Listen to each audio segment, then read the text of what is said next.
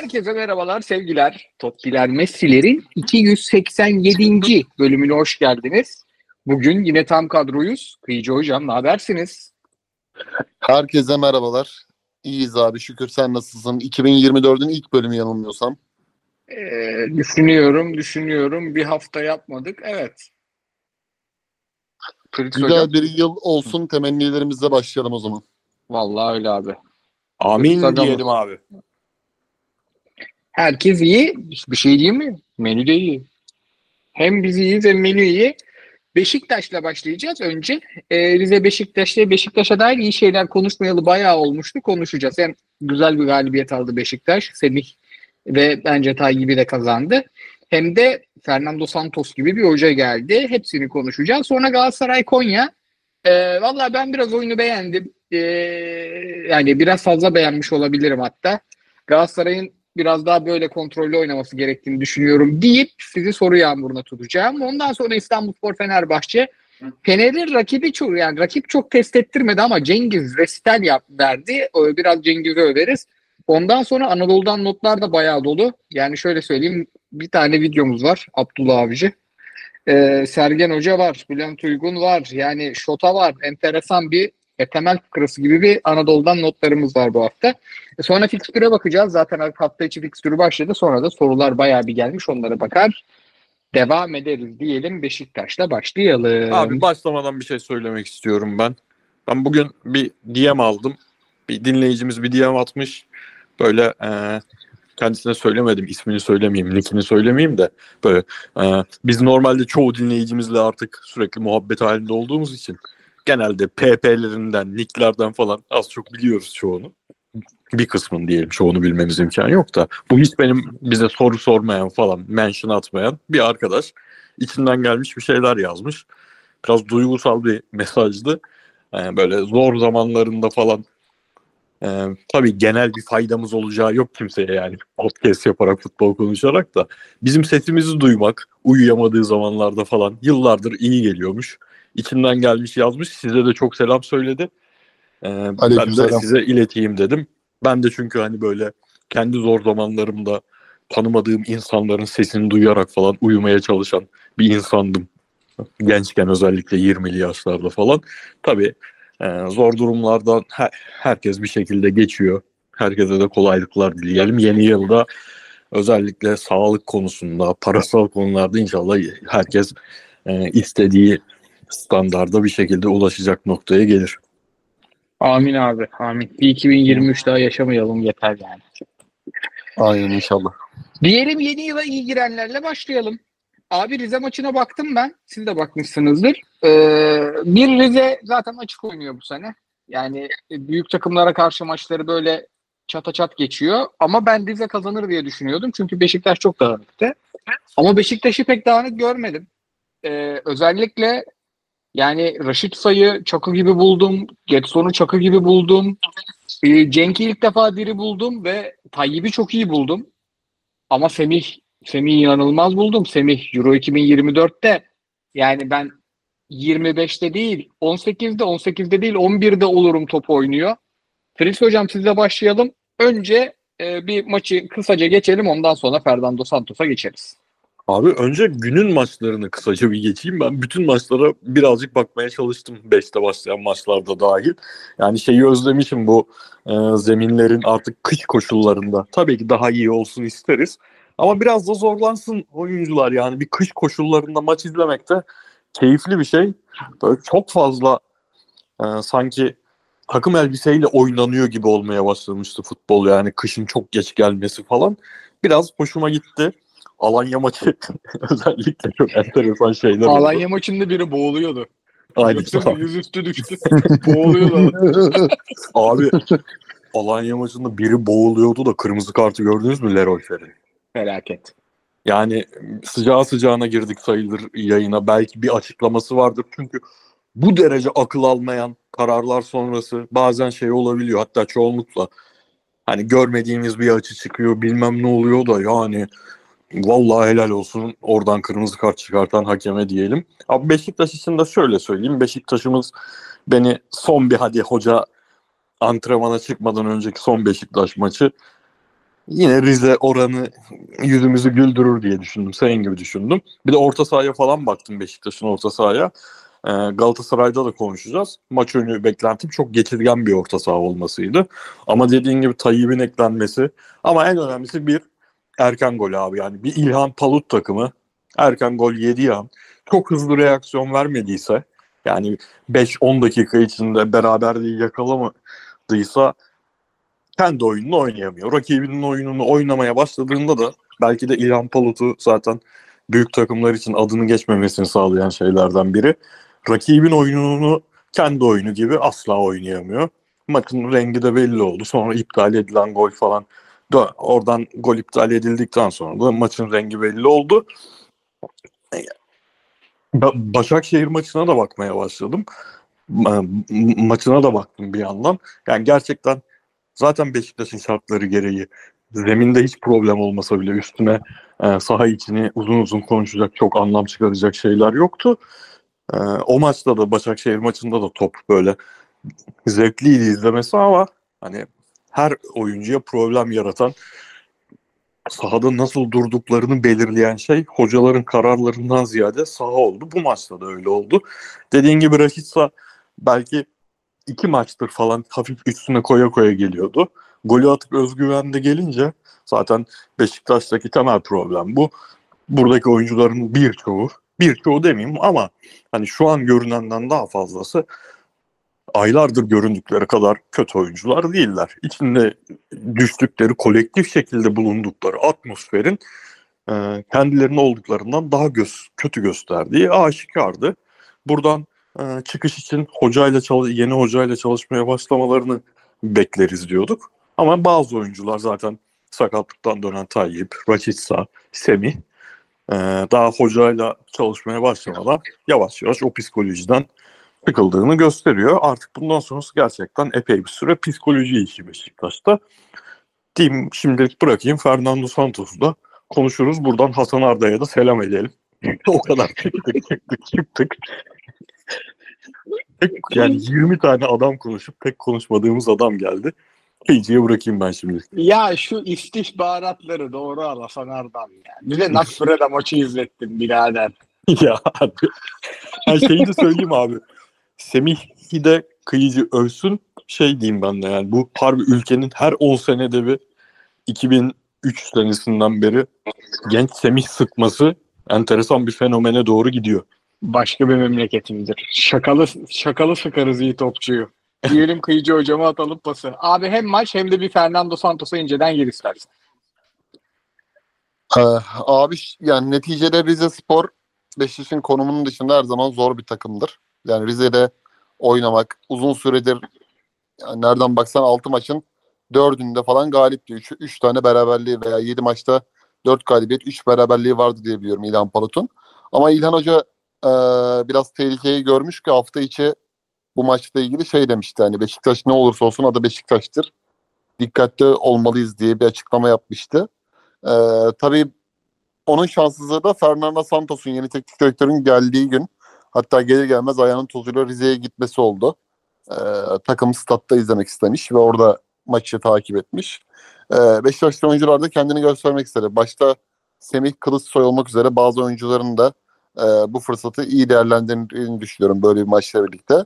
Ee, genel tercihlere baktığımızda yani antrenör tercihine baktığımızda özellikle hani Giovanni Van Bronckhorst'la ilgili zaten Hasan Arda'nın kanalında geçtiğimiz hafta birkaç değerlendirme yapmıştık. En yakın aday o duruyordu. Ee, tabii şimdi Fernando Santos bütün muhabirleri ters köşe yapan bir e, gelişme oldu. Hiç adının düşmediği, e, konuşulmayan bir gelişme oldu. Doğruları, yanlışları bu işin neresinde? Bence şu anki görünürdeki tercih e, doğru bir tercih. Çünkü ben hep şunu söylüyorum. Bir takıma hücum yaptırmak çok kolaydır ama bir takıma savunma öğretmek çok zordur. Beşiktaş şu an acilen bütün unsurlarıyla ligdeki bulunduğu konum, oyuncu grubunun, eldeki oyuncu grubunun varlığıyla beraber topyekun savunma çalışması gereken bir takım ve Santos bunun için uygun profil, öğretmen bir hoca.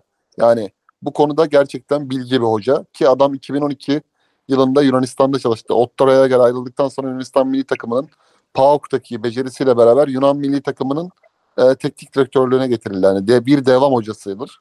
E, tabii eldeki Beşiktaş kadrosundaki savunmacılarla bu işi yapabilir mi? Tabii ki eldekilerle yapamaz. Beşiktaş'ın acilinden şöyle bir iki tane, üç tane gelecek sezon. Üç tane belki çok anormal derecede başarı imkanı, hani hedefi tutturma imkanı çok zordur. Hem maddi yönden hem de Ocak ayında üç tane topçu birden çekmek zordur ama en az iki tane topçu alması lazım. Hani Fenerbahçe'nin Ersun Yanal geldikten sonra 2019'da bir Serdar Aziz, Moses, Tol Tolgay e, yaptığı bir çıkarma vardı ya. O tür bir birkaç oyuncuyla mutlaka ki e, istişare edeceklerdir devre arası takıma katılması için. Burada en önemli şey tabii ki Beşiktaş'ın hala bir iddiasını sürebileceği Türkiye Kupası olması. E, yanılmıyorsam önümüzdeki hafta Eyüp Spor'la oynayacaklar. Eyüp Spor'da alt liglerde Turan'la beraber e, gayet iyi bir oyun oynayan, pas oyununu sergileyen bir takım. E, Beşiktaş'ın o maçı kazanması gerekiyor. Hocayla başlayacağı ilk sınav, ciddi sınav. Bazen de işlerin rast gitmesi gerekiyor. Bu sezon Beşiktaş özellikle hiç işleri rast gitmedi yani. Geçen sezon hani diyorduk ya Redmond, Abubakar, Cenk ne vurduysa girdi. İnsanlara şey dedirtti yani. Acaba Şenol Güneş Valerian İsmail'in yerine sezon başı kamp yapsaydı şampiyonluğa oynatabilir miydi? Ama bu sezon bütün işler tam tersi döndü ve takım e, Serdar Topraktepe ile beraber dört teknik adamla çalıştı. Bu beşinci teknik adam. İşte bazen topun da sevmesi gerekir der ya, bu işlerin rast gitmesi gerekiyor. Eyüp sınavı da e, o yönden önemli. Tabii Santos 10 yıldır, 15 yıldır tabii 2010 itibariyle PAOK'ta çalıştı. Oradan hatırlıyorum. 99 Porto'ya hatırlıyorum ben. Jardellerin olduğu Porto'ya hatırlıyorum. Kulüp sezonunda çalıştığını özellikle. Hani biz ne kadar milli takım hocası bilsek de bayağı uzun bir süre olarak kulüp takımında çalışmamış. Bu dezavantaj mıdır? Dezavantajdır. Yani e, sezonda bir yılda nereden baksan 20-25 maç yapmak yerine tüm sezondaki e, bir yıl içerisinde 65-70 maçı çıkmak çok farklıdır. Özellikle o süreden 15 yıl gibi bir süre uzak kalmak 2010 yılından beri çok farklıdır. Ama şu an iki tarafın da birbirine ihtiyacı var. Çünkü Beşiktaş'ın VIP yaptığı bir durum. Hani Fernando Santos'un özellikle Polonya'da çok başarısız bir Polonya macerası. Bence çok gereksiz bir karar aldı orada. Yani Portekiz'den ayrıldıktan sonra bence bir buçuk yıl, iki yıl dinlenmeliydi. Çünkü Kendisi de Portekiz söylüyor takımları- abi onu. Kendisi de kabul ediyor onu. Evet. Yani ben bir Polonya maçını izlemiştim abi. Polonya'nın Dünya Kupası ayrılığın Dünya Kupası'ndaki serüveninden sonra ilk izlediğim Polonya maçıydı. İşte Metikes'in, Lewandowski'nin, Milik'in, e, Frankowski'nin falan işte sahada olduğu tam kadro Polonya. Dünya Kupası pardon Avrupa Şampiyonası için son hakkını vardı yani. Kazansaydı iddiasını devam ettiriyordu. Ama kazanamadılar. Çek Cumhuriyeti'ne karşı çok kötü oynadılar. Hani teknik direktörün de Santos olduğunu orada yeni görmüştüm hatta maçı izlerken. Ya dedim kaç maçlarına gelmiş nasıl işte gidemezler falan Santos gibi teknik adam. 6 maçlarına kabul etmiş ve çok başarısız bir macera imza atmış. Ee, o yönden bazen teknik adamlar hani son işlerindeki başarısızlıktan ders çıkarırlar. Kendilerine bir ödev çıkartırlar. Santos da bunu 70 yaşında da olsa da yapabilecek biri. Hani bir şey değil bu. Ee, bu adam için şey diyemeyiz yani. Nasıl denir? Bruno Lage, işte Vitor Pereira gibi menajer teknik direktörü değil bence. Hakikaten yani bir, bir tık saygınlığı olan yani Portekiz'in dik advokatı tarzı bir teknik adam bu. Hani oralardan tırmalamış zamanında işte Panathinaikos, Benfica, PAOK çeşitli ülkelerde çalışmış. Hatta bence Türkiye yolu geç düşmüş bir teknik adam. Ama bir Lüçescu da değil yani. Bir oyuncunun mesela bir oyuncuya bir şey anlatırken çok kolay anlatıp da süzgecinden geçirip onu anlayacağı dilde anlatan bir tek- teknik adam da değil. Zor bir teknik adam.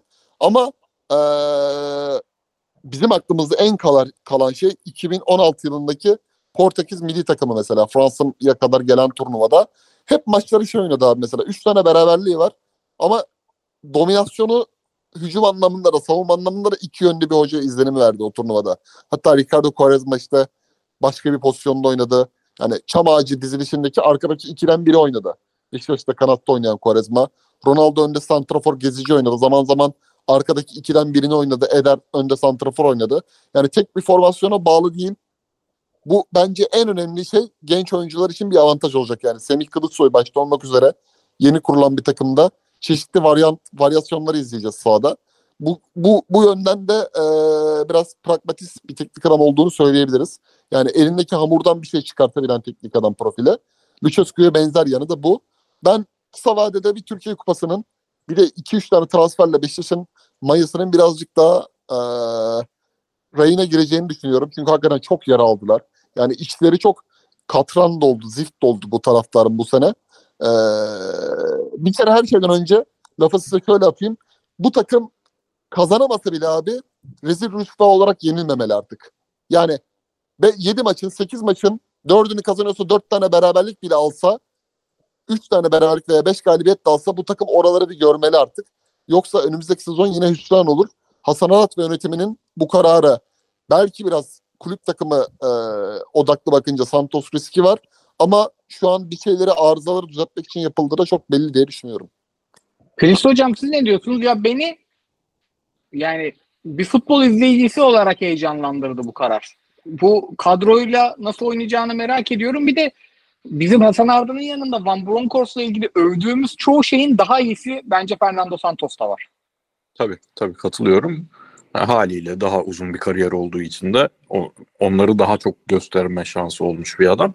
Kıyız'ın bıraktığı yerden alayım ben. Beşiktaş'ın ye- yenilmesinden öte yenilme şekli. Yani bu sene kaybettiği maçlarda yenilme şekli kritik olan burası bence. Şimdi e, Galatasaray Manchester United'dan bir üçüncü gol yedi. Dedik ki hala aklımızda o üçüncü gol. Yani o zaman profesyonel bir takımın yememesi gereken bir gol. Her takım sene içinde öyle gollerden yer. Ama profesyonel bir takım yememeli bu golü dedik. Fenerbahçe Trabzon'dan bir gol yedi. Nordsjælland'den iki gol yedi. Ee, tabii daha çok gol yedi de o profesyonel bir takım bu golü yememeli dediğimiz golden hala aklımızda olan goller bunlar. Nasıl geliştiği, ne kadar basit gösterdiği rakibin o golü, o golleri. Fenerbahçe ve Galatasaray için böyle işte bir tane, iki tane, üç tane söylüyoruz. Beşiktaş rakibin kalitesi fark etmeden, rakibin kalitesi fark etmeden o gollerden düzenli olarak yiyor. Şimdi bu normal bir durum değil. Bu e, tabii ki bir teknik direktörün nasıl bir oyun oynattığı büyük bir takım için çok çok önemlidir.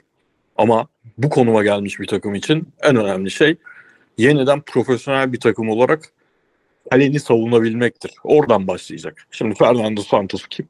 Kimseye anlatmaya gerek yok. Fernando Santos geçen sene biz e, Dünya Kupası preview'ında veya devam eden canlı yayınlarımızda Portekiz üzerine konuştuğumuzda hep özel çalışıp çıkardığımız istatistik vardı. Oynadığı son neredeyse 30 maçın 30 maç içinde kazandığı maçların bir ya da iki tanesi hariç hepsinde topla daha az oynayarak kazanmış bu adam. Ne zaman topla oynaması gere- gerekiyorsa e, rakip de kendisi kadar iyi savunma yapabilen ve savunmasını çok fazla öne çıkarmayan, önde basmayan bir takımla karşılaştığı zaman o kadar kaliteli bir kadroyla bile bir türlü onu oturtamamış. Şimdi bunu ama bu Beşiktaş için şu anın mevzusu değil bence. Fernando Santos'un e, milli takımdaki oyun stili şu anın mevzusu yemeyeceksin. O golleri yemeyeceksin ve e, dünyada herhalde şu an Türkiye'ye gelebilecek teknik direktörler için de bunu en iyi şekilde uygulayabilecek bir adam. Gelir ve uygulayamazsa bence şey e, ne yapsın abi adam elinde topçu yok da e, denmez. Çünkü gösterdiğin çok iyi yapabildiğini gösterdiğin bir şey var ve buna ihtiyaç var ve bu da hani böyle acayip topçular gerektiren bir şey değil bu oyun tarzı. Bu oyun tarzı taraftarı bir müddet sonra sıkacaktır. Ama önemli olan Türkiye Kupası'nda ilerleyeceksin. Ligde hala ilk dört içindesin. Üçüncülük için hala çok ciddi bir adaysın. Sapa sağlam. Oyuncularının bu kadar kötü görünen oyuncularının bu kadar kötü olmadığını gösterecek bir noktaya getireceksin. Bunları yapabilecek bir adam. O açıdan uygun e, bir tercih ki zaten hani işin geldiği noktada Lucescu tarafından reddedilmek falanın filanın olduğu bir noktada da zaten e, sanki olabilecek en iyi adam olmuş gibi. Çünkü belki o an e, kendine oluşan atmosferi görev bilip o haberler yalan da olabilir, sıkılmış da olabilir ama Ertuğrul sağlama gidilecek falan filan de, dendiği bir ortamda onun üstüne Fernando Santos olunca ha tamam diyorsun. Tamam. Teknik direktör aldı en azından adamlar. O açıdan önemli ve dediğimiz gibi bu takımı Beşiktaş şunu oynuyor diyeceğimiz bir noktaya getirecektir. Ama abi anlamadığım bir şey var. Şimdi Galatasaray bu ligde dağıldığı zaman iyi dağılır. Yani Galatasaray eğer ligin 10. haftasında şampiyon olamayacağı belli olduysa Galatasaray o ligi ilk 3 içinde, ilk 4 içinde bitirmez. Ee, bu halleri Fener'den ve Beşiktaş'tan daha çok görmüşüzdür son 10-15 senede. İşte bir 2010-2011 sezonundaki lan küme mi düşecek takım var. Bir 2016-2017 var. Bir de Fatih Hoca'nın son sezonu var. E, Fenerbahçe dağıldığında Fenerbahçe çok az dağılır bu şekilde. ilk üçten çok az düşer. Bir defa o şekilde çok kötü şekilde düştü. Ligin bu noktalarında 18. falandı Fenerbahçe 5 sene önce. Abi bu Beşiktaş o takımlar kadar kötü olmasına rağmen nasıl hala üçüncülükten bir puan geride ya? Benim Lig çok kötü abi. Nasıl? Lig felaket. Lig çok kötü abi. Ama abi yine de hani lig çok kötü. Tamam yedinci olsun. Nasıl üçüncülük için aday bu takım hala almıyor akım. Yani Ya ben Buyur abi. yok estağfurullah. Şöyle söyleyeyim. 2017, 2016, 2015 bu Osmanlı sporların bir Regattan, Umar Eminolu, Vebolu kadroların olduğu 2017'deki Alanya sporlu kadroların olduğu lig olsa Beşiktaş şu an 14. falan da. Evet. Abi dün gördüm o istatistiği. Zaten az çok bildiğimiz bir şeydi ama öyle kağıt üstünde görünce de insan ya yani zaten biz ne bekliyoruz ki diyor. Avrupa'da birinciyiz. Önceki sezonuna göre kadronun yüzde kaçı değişmiş e, istatistiğinde yüzde 54'ü yani takımların takımlar kadrolarının yüzde 54'ünü değiştirmiş ya buradan bir şey çıkmaz yani buradan harbi bir şey çıkmaz. Ama biz Semih övemedik. Semih övgüsünü de bence bu işleri en iyi yapan böyle bacaklar bacak kalınlığını falan konuşacak şekilde oraya bir bırakalım ya. Abi boğum boğum ya fırlama. bir de böyle topu aldığı zaman kimi kaldıra kaldıra koşan adamı çok severim ben. Herif çok iyi fizik ya. Yani hep şey kalça malça her yerden kuvveti alıyor ya. Öyle hani bazı adam vardır omuzu yedi mi yıkılmaz da bacaklar çırpıdır yani topa vurdu mu gitmez. Üst vücudu kuvvetlidir. Böyle değil. Bu pult gibi bir şey. Şey de çok iyi bence. Ee, hangi tarafını bilmiyorum. Bir tarafına inanılmaz rahat dönüyor topla. aynen Yani aynen. alır aynen. almaz müthiş dönüyor. O çok yani ceza sahasında iş gören adam için çok önemli. Çok da güzel, çok da fazla penaltı falan alır. Ben e, Euro 2024'te hele Montella gibi forvetlerini değişik kullanan yani e, bu biraz Sven-Goran Eriksson güzel yapardı İngiltere milli takımında. Yani iki santrforun rolüne göre takım oynardı. Kalan oyuncuların bir standardı vardı da o santrforlar oyunu belirlerdi. İşte Heski kol mu oynar, bilmem kim bilmem kim mi oynar. O ikilileri işte Yusuf Yazıcı'yı atarak bilmem kimi atarak değişik kullanan bir hoca. Ben çok heyecanlıyım yani milli takım performansı için. İnşallah Fernando Santos çünkü birçok derdi kısa vadeli çözmek zorunda. Ee, orada arada kaynamaz da bu oyuncu arada kaynamaz. Aynen abi. Oyuncu- İnşallah müthiş bir olmaz. Şu olmaz değil mi? İşte hani hoca geldi baktı biraz fizik yükledi falan. Ya ben bu kısmı tecrübeli oyuncularla daha isimli oyuncularla geçeyim demek hakkıdır. Bir teknik direktörün yeni geldiği ülkede. Hani sahaya Oxlade Chamberlain atayım, sahaya Rebic atayım derken 11'den eksilteceği oyuncu mesela bence Cenk olsun. Ama Semih olmasın. İnşallah Evet. öyle bir durum olmaz. Bir de şey hoşuma gitti benim. Bizim yerli oyuncularda çok nadir olur bu. Şimdi klişedir fizik olayı. Bizim yerlilerin bir numaralı pro, bir numaralı değil bir numaralı problemi oynatılmamalarıdır. Ama iki numaralı problemi de e, oynatılmalarından bağımsız ülkenin durumuyla alakalı olan beslenmeyle, e, genç yaşta çalışma düzenlerinin hala Avrupalı yaşıtlarının gerisinde olmasıyla falanla filanla alakalıdır ama Semih sahada ilk gördüğümde e, Nihat Ka- Kahveci ile beraber izlemiştik. Siz tamamını izlemiştiniz. Ben çıkmıştım. Ben ilk gördüğümde herhalde şey dedim böyle. 1.90 falan bu çocuk herhalde. Niye kanat oynuyor? İlk aklıma gelen o oldu. Sonra eve gi- giderken bir baktım 1.77 mi? Ne? Mesela sahada o kadar iri görünüp aslında olmadığından iri görünebilen futbolcu azdır. Ee, böyle takımlarımızın, ligimizin geleneği değil de kendi kendine çıkan oyuncular bunlar yani. Ancak zor şartlarda çıkabiliyorlar. Yani kimseye buradan aferin ne iyi oyuncu çık- çıkarmış diyemeyiz. Sadece altyapıdaki hocalarına deriz. Ama kalıcı olmasını sağlayacak şey de yeteneğinden önce fizik yani Barış Alper'i neden bir şekilde Galatasaray kadrosunun içinde en kötü döneminde bile kaldı ve kalacak kalması da gerekiyor. Üstüne Semih'in gerçekten enteresan yetenekleri var. Kerem Abi Aktürkoğlu da çıktı ya abi Galatasaray altyapısı olmasa da Babel çok kötüydü. Oğulcan'la Emre Akbaba ileri üçteydi. Kerem üç tane gol atıyordu bir maçta mesela. Aynen. Ben bayıldım oyuncuya. Her hafta zaten Semih için izliyoruz. Öyle e, kendini izleten birkaç topçu olmasa hakikaten bu sene Süper Lig yayınları biraz zor olur. Çünkü ligin üçüncü takımı yok. Yani şimdi küme düşme tarafı biraz heyecanlandırmaya başladı. İşte Alanya'nın performansla Hatay'ın e, kötü performansıyla biraz karıştı oralar. E, bir üçüncülük, dördüncülük bizde orada bir yarış yok. Orada hep kötü ve daha kötü var. Şimdi Fernando Santos'un gelişi bence biraz orada heyecanlandıracak. Ee, ben biraz şeyi de e, atamayı şu açıdan doğru buldum. Ee, Hasan Arda'nın yayında konuştuğumuz bir şeydi Van Bronckhorst'la alakalı yine. Beşiktaş'ta alan bulamadığı zaman iş dar alanda iş çözecek oyuncu çok az. Ama alanı bulduğu zaman yani 0-0 cepte oynadığı zaman çok etkili olabilecek oyuncular var. Yani Getson öyle, Raşit öyle, işte Semih öyle. Gerçi Semih dar alanda da çözer de e, bekleri bile öyle. Ee, ve bu oyuncuları en iyi kullanabilecek hocalardan biri geldi. Çünkü bu oyunculardan çok daha iyileri varken o iyileri oturtup bu oyunu Danilo'yla mani ya Bernardo'yu oturtup Danilo'yu oynatan hoca bu. Yani Josep Topal diye Fenerliler üzülüyordu ya.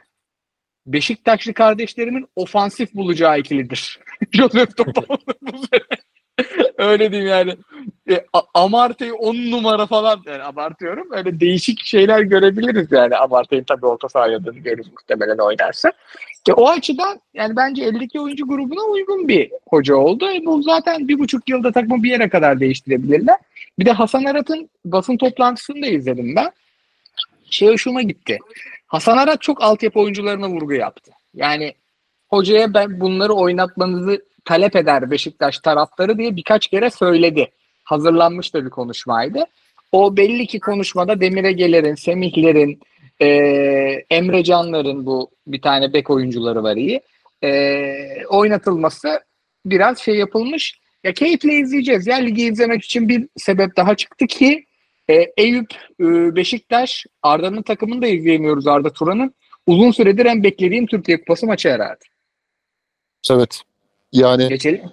sert bir sınav olacak abi o.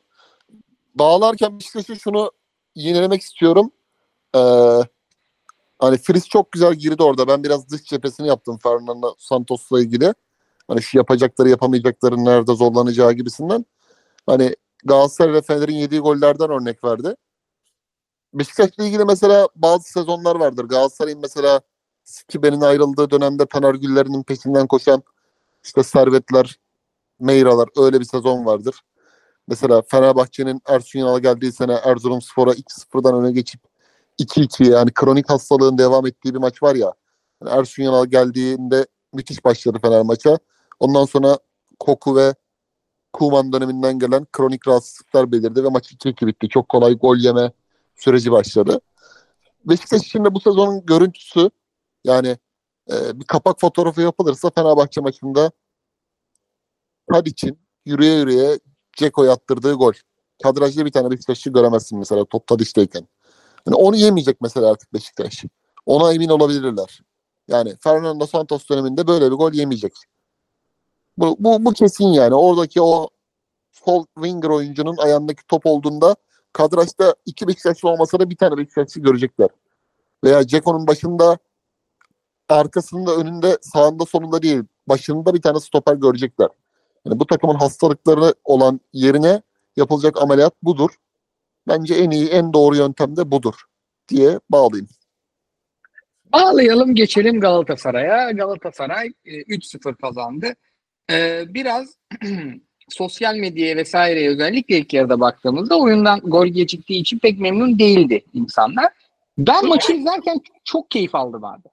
Ama benim yani biraz daha böyle tem, biraz daha güvenli 4-2-3-1'leri sevdiğimden mi acaba diye bir daha izledim maçı. Biraz vak- vakit de vardı. Avrupa'da maç da azdı. Hani ben mi ekstra eğlendim diye izledim. Galatasaray'ın en iyi maçlarından biriymiş ligde. Yani başka bir şekilde eldeki işte eksiklere göre bir oyun seçilmiş ve oyun harika uygulanmış gördüm. Bir iki tane şimdi Hakan Keleş çok iyi bir kontratak hocası. Bu nereye giderse gitsin öyle mi? Ben Konya'yı birkaç kere e, Yitik Sevdam, Guilty Pleasure'ım Çıkıldağ için izlemiştim. Konya toparlamış diyorduk yani podcast'te de. E, o kontralardan yedi Galatasaray bir tane. Onun dışında pozisyon çok vermedi. E, 30 tane şut attı. Ama bence başka bir oyunu oynayabilmek açısından önemliydi. E, dönenleri toplayacak çok oyuncusu yoktu. O yüzden rastlantı sayısını azaltmış gördüm Galatasaray'ı. Daha güvenli, daha garantici, daha atağa bitirip dönen. Yani atağa bitirip e, savunmaya dönen ya da önde baskıya giden. Barış Alper'i biraz savunmacı, Kaan'ı biraz hücumcu gördüm. O enteresan bir uygulamaydı. Sağ tarafın iyi kullanıldığını gördüm. Zaha'nın bir sağ kanat oyuncusu olarak, bir birebirci olarak iyi kullanıldığını gördüm. Kerem'in bol bol pozisyona girdiğini gördüm. Kerem'in iyi maçlarından biri değildi. Biraz Mertens'i zayıf buldum. Onun dışında takımı beğendim. Kıyıcı hocam siz ne diyorsunuz Galatasaray'a dair? Vallahi iki kere izledim. Ben e, hafif o yangının kaynağını bulamadım. Abi sana katılıyorum.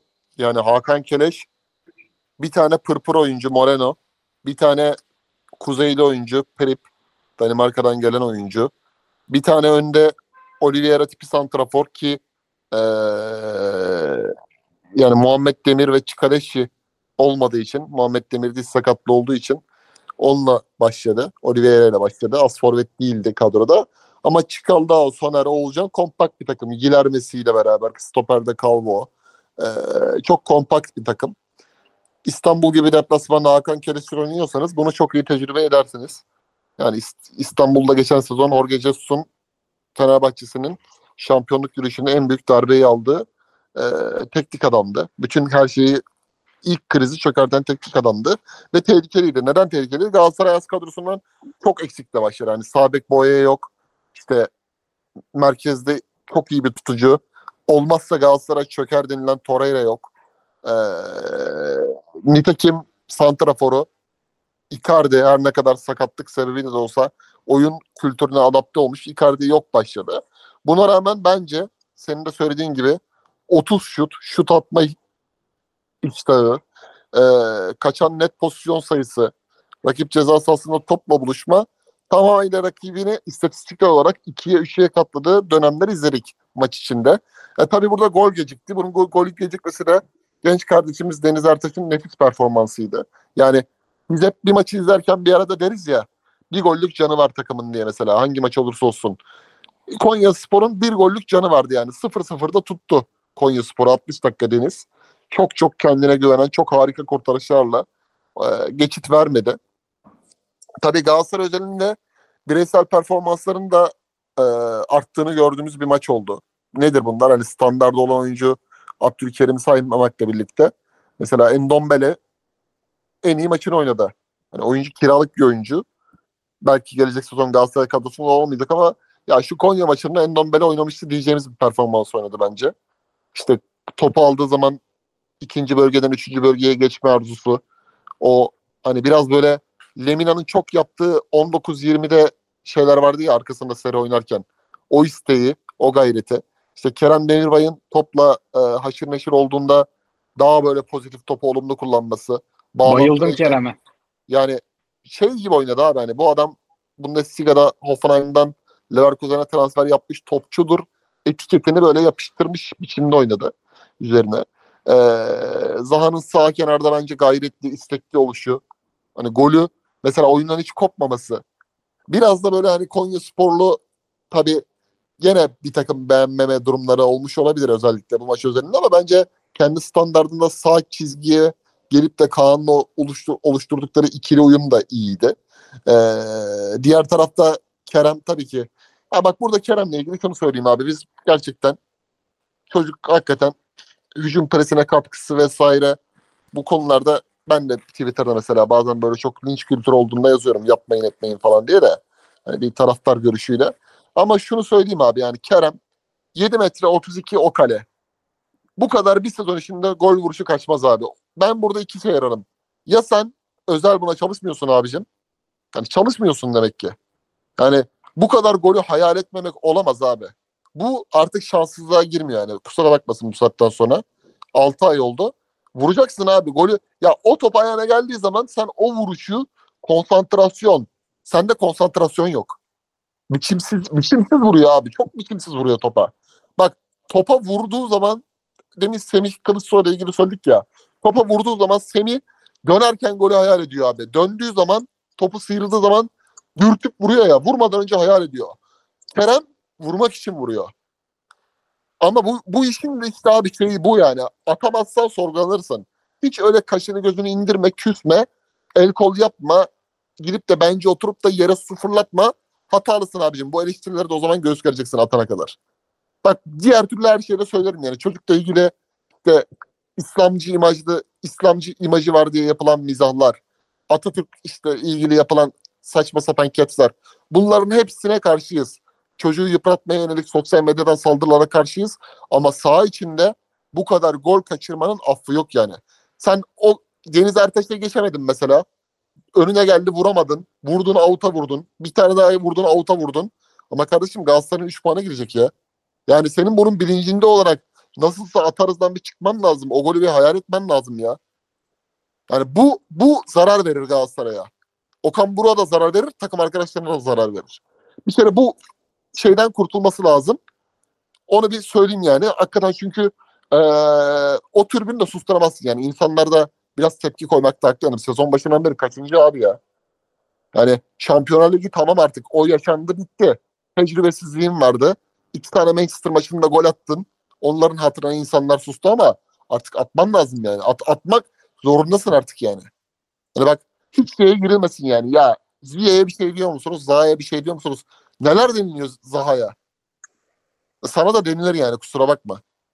Evet bu arada Zaha'ya neden bu kadar şey denildiğini de anlamıyorum. Kerem'in zaten en sevdiğimiz yerli oyuncu. Ee, ama hakikaten çok iyi bir günü değildi. Fritz hocama şöyle atayım pası. Abi sana isim soracağım. Bir, Okan Buruk. Bu adam yine rekor, rekor kırdı ve bence bu maçın adamı. Kerem Demirbay, Endombele, Barış Alper. Barış Alper aşık etti kendine. Ve Wilfried Zaha. Abi ben bu adamların tamamına bayıldım. Sen ne diyorsun? Başta Okan Buruk olmak üzere. Barış Alper'den başlayayım. Barış Alper e, stoperleriyle aynı çizgide kalmayı öğrendiğinde nasıl bir şey oynayacağını merak etmeyen var mı? Acayip Ya, merak ediyorum. Acayip Ab- merak ediyorum. Abdülkerim'le orada ikili bir makine oldular ya kafayı yedim ya. Ve benim beklediğimden şu ana kadar o e, mücadeleci tarafının hamleleri daha çok ben penaltı pozisyonu getirir falan diyordum. Sadece bir tane oldu. Onda da hakem vermedi önceki maç 2-3 maç önce. Onun dışında öyle bir hata da yapmadı. Nazar değmesin diyelim. Klasik yani bu pozisyonda haliyle 23 yaşında oynamaya başlamış bir oyuncu olarak e, pozisyon bilgisiyle ilgili problemler harici bence cuk oturacak. Ee, şimdi hoca şeyi seviyor. Sen dedin ya Barış Alper'le Kaan'ı bu sefer daha farklı kullandı diye. Her maç maç bakıyor. Maç maç üzerine düşünüyorlar. Ekibiyle birlikte farklı şeyler oynatıyorlar. Ben Fenerbahçe maçındaki kullanımını Barış Alper'in çok daha beğenmiştim. Çünkü orada hem savunmanın hem hücumun bir parçasıydı. Burada biraz hani şey sorusunu sordurttu. Hmm, böyle oynayacaksa sağ bek oynasa daha iyi değil mi? En azından e, orta yapabileceği açılara gider. Burada çok fazla sadece şut açısı olduğu zaman çıkıp vur, vuruyor ve pozisyonu öldürüyor gibi oldu biraz. E, onun dışında hocaya denecek bir şey yok ya. Yani e, kötü futbol istikrarlı şekilde kötü futbol oynattığı dönemler olduğunda ya da e, işte Kopenhag, Manchester maçları e, sonra Hatay maçı gibi e, bence yanlış 11'ler çıkardığında falan eleştirmek herkesin hakkı. Ama Kerem konusuyla hocayı da ben çok birbirine benzetiyorum. Kayıcı'nın söylediği Kerem konusu. Şimdi eleştiri şekli o kadar çirkin oluyor ki e, ve haksız oluyor ki. Şimdi Kerem mesela Kerem'e yapılan eleştiriler sonrası e, Kerem sanki şeymiş. Her maç çıkıyor ve sahada yürüyormuş. Bazı öyle futbolcular da oldu Galatasaray'da. Vazgeçilmez olduğunu bildiği için öyle yerli futbolcular da oldu. Sahaya çıkar ve yürürdü. Ama Kerem sahaya çıkıp yürümüyor. Kerem e, belki çalışmamaktan, belki e, yeteneği bu kadardır bilmiyoruz. Ama bu takımın önemli pa- bir parçası olarak mücadelesini ediyor ve sanki böyle bir durum yokmuş gibi eleştiriliyor. O öyle eleştirilince bu sefer de şey başlıyor. Kerem kötü oynadığında Kerem bugün çok kötüydü demek de suç haline geliyor başka bir grup için. Çünkü bir e, ortada arada konuşabilmek diye bir şey kalmadı.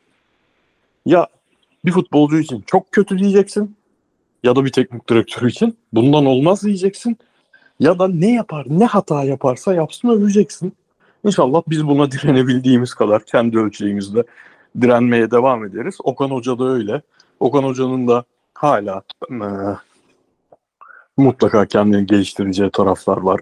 Hala ben bu, maçta da bu takımın oynadığı oyundan memnun değilim ama bu özel bir maçtı. Çok fazla eksik olduğu için. Ama yine de mesela Halil'le Mertens'in kullanımını yanlış buldum. Halil iyi maçlarından birini çıkardı.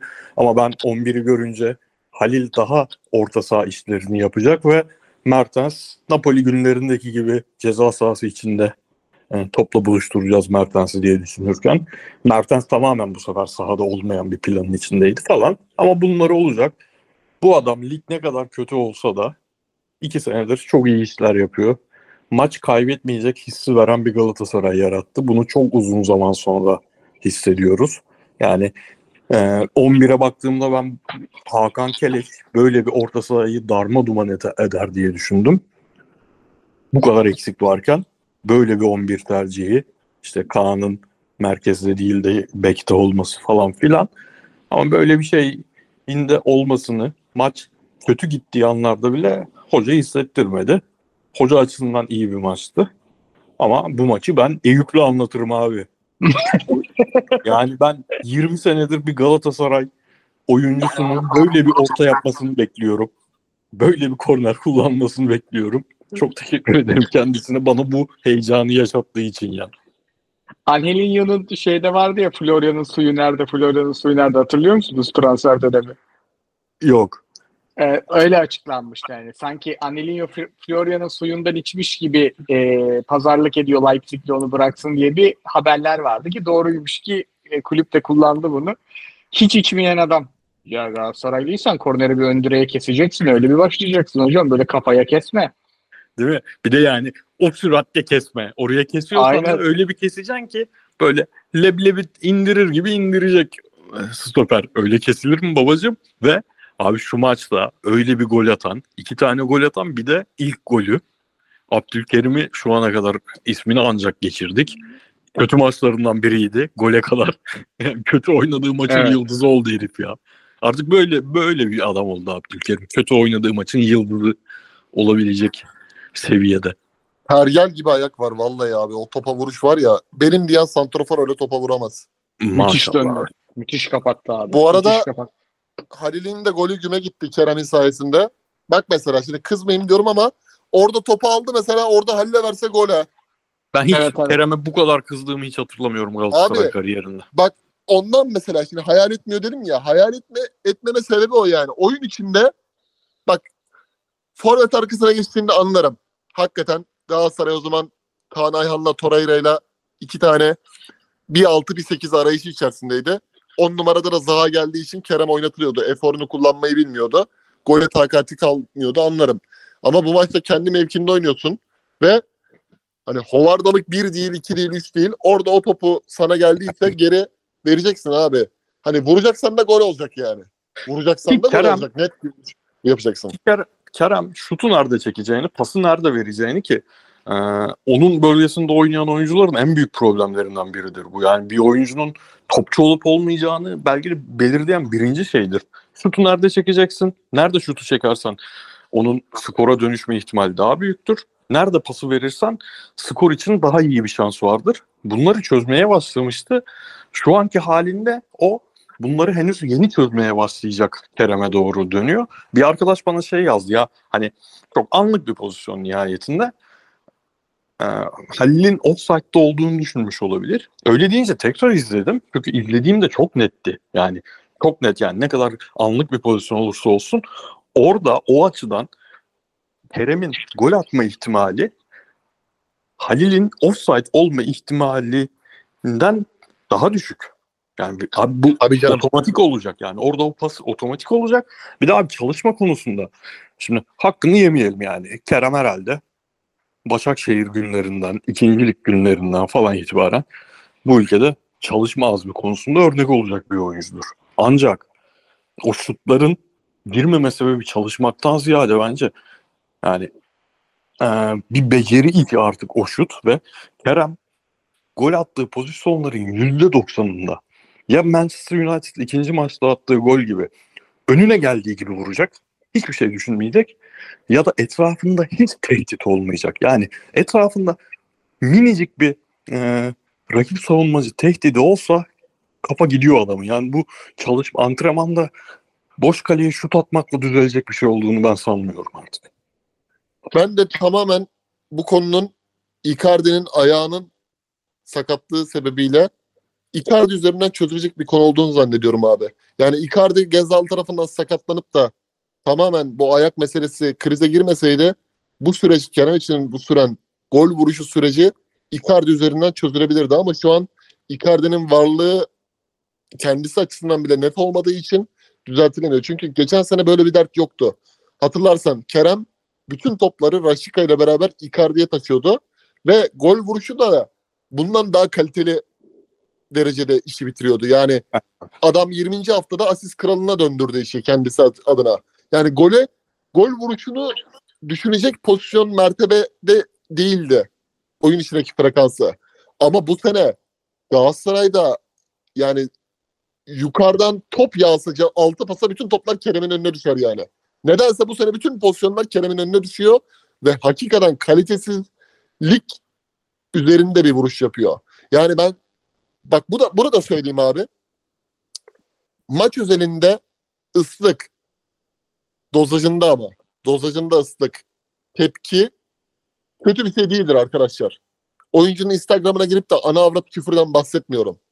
Maç içinde ıslık oyuncu eşitliğinde Kerem üzerinde söylüyorum. Bak bütün, bugüne kadarki yaptığı süreç için harika. Ama ufak bir uğultu, ıslık iyidir. Vidaları sıkar yani. Bu kötü değildir. Fenerbahçe'de bunu Tuncay Şanlı da yaşadı. Alex de yaşadı. Galatasaray'da Hakan Şükür de yaşadı. Hasan Şaş da yaşadı. Ama daha güçlü döndüler her zaman saha içinde. Böyle ufak bir uğultudan da Twitter'a vay hainler, nankörler, bilmem neler, Kerem'e bu yapılır mı bilmem neye çekmeyin boyutu. Olduğu zaman. Ama bu tabii kalkıp da oyuncunun Instagram'ına şudur budur diye yazmaktan bahsetmiyorum. Kesinlikle karıştırılmasın. Hani bunlar Pamuk Prenses gibi değil abi. Mourinho'nun bir lafı var. Ben Pamuk Prenses oyuncu sevmiyorum. Biraz cinsiyetçi bir yaklaşımla söylüyor bunu ama ben sahada erkek gibi oyuncu istiyorum diyor. John Terry'ler, Lampard'lar, Drogba'lar için. Hani çıt kırıldım oyuncu istemiyorum diyor. Kerem'i de bu kadar pamukları sarmaya gerek yok. Yani Kerem de zaten Kötü, Kötü oynuyorsa oyun- abi tepki de olacak, şey de olacak yani. Ata bu dünyanın bütün yerinde böyledir abi. Atarsan değerlisin. Atamazsan sorgulanırsın. Kerem de en iyi dönen oyunculardan biri genelde kötü maçlarından. Yani şu performanstan sonra Sivas maçına gol yazarım mesela. Yani Döner. Ama ama benim en yani bu maç özelinde Abdülkerim konuştuk işte. Demirbay'ı konuştuk ki bence hakikaten ya 8'e gerek yok ben geldim ar- agalar dedi. Ama beni en çok heyecanlandıran, en mutlu eden Okan Buruk oldu. Ben e, eskiden Galatasaray'ın yani uzun süredir Galatasaray'ın kadrosunu gördüğümde ilk önce en kötümser şeye odaklanıyor insan. Kaybetmekten korktuğu için Galatasaraylıyım ben.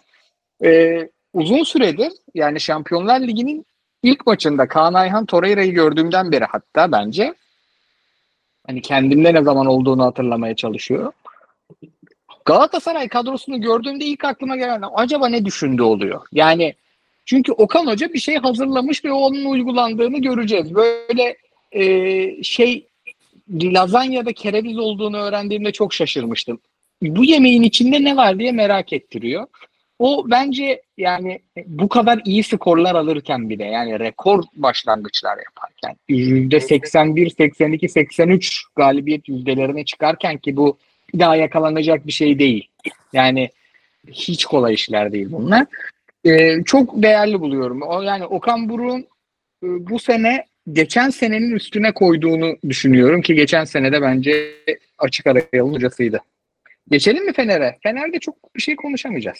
Abi hocanın sadece üst üste iki, iki maç. Arada maç oynanmadı değil mi? Fener maçı bu maç. Hı hı. Kerem Demirbay'ın kullanımı. Kerem Demirbay'ın top Galatasaray'ın ayağına geçince stoperlerin arasına girip e, bunun üzerinden Barış ve Saşa Boya'nın sahada konumlanışı. Bu maçta Endombele ve Kerem'in ortak şekilde e, stoperlerle orada bir dörtlü oluşturup beklerin bambaşka kullanımı. Sadece iki maç, üst üste iki maç. E, Galatasaray'ın ön tarafta bir alışkanlığa çok ihtiyacı var. Ben hocadan biraz da bazı planlarında ısrar ist- isterim. Ama bu maç dediğim gibi yine ideal bir ön tarafla çıkılamadığı için o açıdan e, eleştiremem. Ama iki maç üzerinde rakibe göre yaptığı dokunuşların e, Muslera'yı da söyleyelim bu arada yani. Bu kadar eksikle verilen iki tane pozisyon gayet iyidir. Problem yok. Ama bir gol gelse o bir tane 0-0'da çok net vardı. Orada gol gelse başka şeyler konuşuyor olabilirdik. Ben yine dönerdi bu takım büyük ihtimalle ama yani gayet beraberliğe de yakın sayan bir maça dönüşmüştü. Muslera da yani bazen eleştiriyoruz bazı sezonlar. Çünkü bazı sezon Muslera dünyanın en çok para kazanan 5. kalecisi falandı. Bence Galatasaray'ın hiçbir zaman herhangi bir bölgesinde dünyanın en çok para kazanan ilk 10 futbolcusundan birini istihdam etme lüksü yoktu. Yani Galatasaray o kadar para vermeden şampiyon olabilecek bir takım olmalı. Ama Muslera'nın getirdiği e, lüks de böyle maçlarda özellikle. Biz zaten eleştirdiğimiz sezonlar ya kardeşim takım krizdeyken 1-0 geriye düşmeden kaleye gelen ilk top gol olmadan bitir şu ma- maçı dediğimiz sezonlardı. Bu sezon o görevi maşallah gayet iyi yerine getiriyor. Ben bir futbolcu daha alacağım. 90. dakikada oyuna giren Yunus Mallı. Ben bu ligde Süper Lig izleyen bir insansam kardeşim alakasız bir anda Yunus Mallı oyuna girecek. Ben de diyeceğim ki ya Yunus Mallı hala sen bu top mu oynuyorsun? Bana bu zevki yaşatacaksınız kardeşim. Onun için teşekkür ederim Hakan Keleşoğlu. Abdullah, Abdullah Avcı'nın Türk futboluna armağanıdır ya. Abi zaten ben bir tweet atmıştım. Abdullah Avcı e, gurbetçisi diye bir tanım var. Yunus direkt karşılığı. Geleceğiz geleceğiz Abdullah Avcı'ya da geleceğiz. Aman hocam ben mikrofonu sessize alırım o zaman. Fenerbahçe'ye geçelim. Abi Fenerbahçe rakipsiz oynadı. Çünkü İstanbul Spor kötü gidiyor. Ee, Fenerbahçe kardeşlerimiz e, eğer bizim gibi e, bir maç izleme rutinleri yoksa İstanbul Spor'u çok izlememişlerdir. Onlar için de pozitif bir şey bu. Yani İstanbul Spor yerine bir Netflix dizisi çok daha iyi bu sene. Bir şey söyleyebilir miyim sadece abi? Buyurunuz abi. İstanbul Spor benim son izlediğim maçı Trabzon maçıydı. Yarıda kalan başkanın sahadan çektiği maçtı. Sahanın iyi takımı İstanbul Spor'du o maçta ama. Tek o maçta iyi görünmüşlerdi onu ekleyeyim. Bu maçta da 1-0'dan sonra fena değillerdi. Ama abi çok çabuk dağılıyorlar. Yani psikolojik olarak da dağınık bir takım. Hani Hakan Keleş'in bir şeyler yapmaya çalıştığını görüyorsun ama yani bir kimle yapıyor, iki kimlere rağmen yapıyor. Yani çok belli orada pek sağlıklı bir yapı da yok. Ee, ve çok güzel zamanda parlayan bir bireysel yetenek gördük. Cengiz muhteşem bir maç oynadı. Yani dört gol anlatmaz performansı. Öyle diyeyim. O kadar iyi oynadı. Topu aldığı her an tehlike. Bir de böyle sanki etrafında bir hare varmış da rakipler yaklaşamıyormuş gibiydi. Cengiz de kalça falan kalındır. Öyle ince telistil bir kanat oyuncusu olmaktan çıktı biraz. Daha böyle yani fiziğini de kullanabilen bir oyuncu haline geldi. Adeleler falan kalın. Yaklaşamadı Duhaneler, Muhaneler zaten hiç etrafında dönemediler. Ee, ve ayak içini muhteşem kullandı. Yani bir böyle iyi bir e-sporcuyu FIFA oynarken izler gibi izledik. Kıyıcı hocam sizden mi alalım Fenerbahçe'yi? Hakikaten bu maç çok bir şey anlatmaz ama Antep maçında da çok iyi bir Fener bekliyorum ben. Abi tabii şimdi İstanbul Spor güç oranı bakımından Fenerbahçe'ye rakip olacak bir takım değil. Ama Fenerbahçe'nin bireysel performansları Galatasaray için demin konuştuk yani Dombele, Barış Alper işte Demirbay. Ee, Mert Müldür ve Cengiz Ünder'in de bu takımda ben 13. 14. 15. adam olurum mesajı verdiği bir maç oldu. Ee, çünkü Fenerbahçe'nin temel olarak buna ihtiyacı var. Ee, şimdi mesela bazı maçlar bize şunu gösteriyordu. Bu takım acaba Tadic'in yerine İsmail Kartal Tadic'in süresinden çalıp da nasıl bir plana dönüştürebilir? Hani Tadic çünkü gerçekten penaltı atmasının dışında en çok eleştirilen konu sosyal medyada penaltıya gelişi, küçük adımları vesaire ama e, yani Cengiz Başakşehir'de Adebayorlu kadroda solda oynuyordu. E, o kadro Vişça sağda, Cengiz Ünder solda. Cengiz'i yurt dışına transfer yaptıran oyun planı o şekildeydi. Adebayor Santrafor'daydı. Şimdi Tadic'ten e, süreç alıp 75'ler değil de 60'a 60'larda bozuksa Tadic'i çıkarıp Cengiz'i sola atıp da İrfan Can Kahveci'yi sağa çekebilecek bir Fenerbahçe yapısı da olabilir. Zaman zaman Jimanski'nin skor üretemediği oyundan düştüğü anlarda İrfan'ı merkez alıp Cengiz İrfan önünde Ceko ile şirketi kurma işi de olabilir. İsmail Kartal'ın bunları test edebildiği, bunları gördüğü bir maç oldu. Ee, Fredsiz bir maçı daha geride bıraktılar mesela. Crespo orada İsmail'le bir tık daha uyum sağladı saha içinde. Bu gibi durumlar söz konusu. Tabii Joshua King'in hoca daha çok şey düşünüyor yani. Tadic çıkartırsam alternatif bir King'tir diye düşünüyor. Yine King'i oyuna aldı. Ama Fenerbahçe için gerçekten gerçekten zor bir düzlem olacaksa içerideki Konya ve yani Fenerbahçe Konya ve Gaziantep Fenerbahçe bu iki maçta biraz bir sürprize açık diyorum ya. Bir puan kaybı olabilir. Burada mesela Antep Fenerbahçe biraz böyle beraberliğe doğru kayabilecek bir maç. Şumidika orada biraz şey yapıyor abi. Hani bir önceki geldiği gibi değil mesela Antep. Oyun içinde takımı daha çok böyle 3-4-2-1 oynatıyor ama daha mücadeleci, daha böyle boşlukları kapatan. Hani Fenerbahçe'deki İsmail Kartal'ın yapısal durumuna baktığında böyle daha çok Fenerbahçe'yi oynatmama üzerine bir takım Fenerbahçe'nin böyle sinirlerini bozuyor ya. Fener'in gücü mesela orada zorlarken. Burada bir ufak Fenerbahçe'ye zorluk çıkabilir diye düşünüyorum. Özellikle Antep maçında. Belki Konya Spor'u gene içeride sürklese eder Fenerbahçe ama e, Antep maçı ilginç bir maça gebe olabilir. Çünkü Fener'in de zaman zaman eksikleri var. Hani İstanbul Spor maçı e, Galatasaray'ın demin bahsettiğimiz gibi Muslera'nın engel olduğu pozisyonlar var ama mesela e, savunma yönünden, savunma hataları yönünden rakip rakibin Fenerbahçe'nin e, rakip ceza sahasında topla buluşma işte XG gol beklentisi yönünden isabetli şut gibi unsurları yönünden Fenerbahçe'yi tehditler bırakılacak. iki maç oynayacak Fenerbahçe. Bu bence e, İstanbul Spor bir ölçülü ama bu iki maç özelinde e, biraz daha tedbirli olmaları lazım. Yani İsmail Kartal çok A planı hocası ya. Henüz bir B planını göremedik. B planı oyun içindeki oyuncu eksikliklere. Ama biraz daha böyle şey yapıyor. E, yapması gerekiyor. Yani hücum organizasyonlarında çok böyle Cengiz şeker vururdan çıkması lazım takımın. Çünkü Jimanski de artık ilk geldiğindeki şeyde değil. Rakipler de onun önlemini aldı. Oradaki bağlantıyı kesti. Biraz farklılık lazım o iki maç için. Antep maçında benim Fener'in rahat kazanacağını düşünüyorum ben. Çünkü Antep'in savunması ceza sahasının içinde çok sakar. Fenerbahçe de çok çabuk taşıyor içeri. Yani e, Fritz'in hep söylediği bir şey var. Çok güzel kaos yaratıyorlar orada. E, İşte İrfan çekiyor, gönderiyor, Tadic çekiyor, gönderiyor. Ceko kendini bir ceza sahasının dışına atıyor. İçeriye Cimanskiler, Fredler, şunlar bunlar giriyor. Oralarda çok fazla penaltı faul falan yapmaya teşne ki Pendik maçı da öyle döndü zaten geçen hafta. O yüzden ben orada çok zorlanacaklarını düşünmüyorum ama Fenerbahçe'nin fikstürü sıkıntılı hakikaten. Yol kazası da çok teşne bir fikstür. Evet. Bir de havadır, Samsun, zemindir. Yani Konya, Antep, Samsun. Ve Samsun'dan dönüyor Başakşehir maçıyla devam ediyorlar. Çağdaş Atan çıkışa geçti. Ferit Hocam sizin var mı ekleyeceğiniz bir şey? Ha bir de Bonucci'yi de sorayım abi sana. Ferit Tamam konuşalım Bonucci'yi de.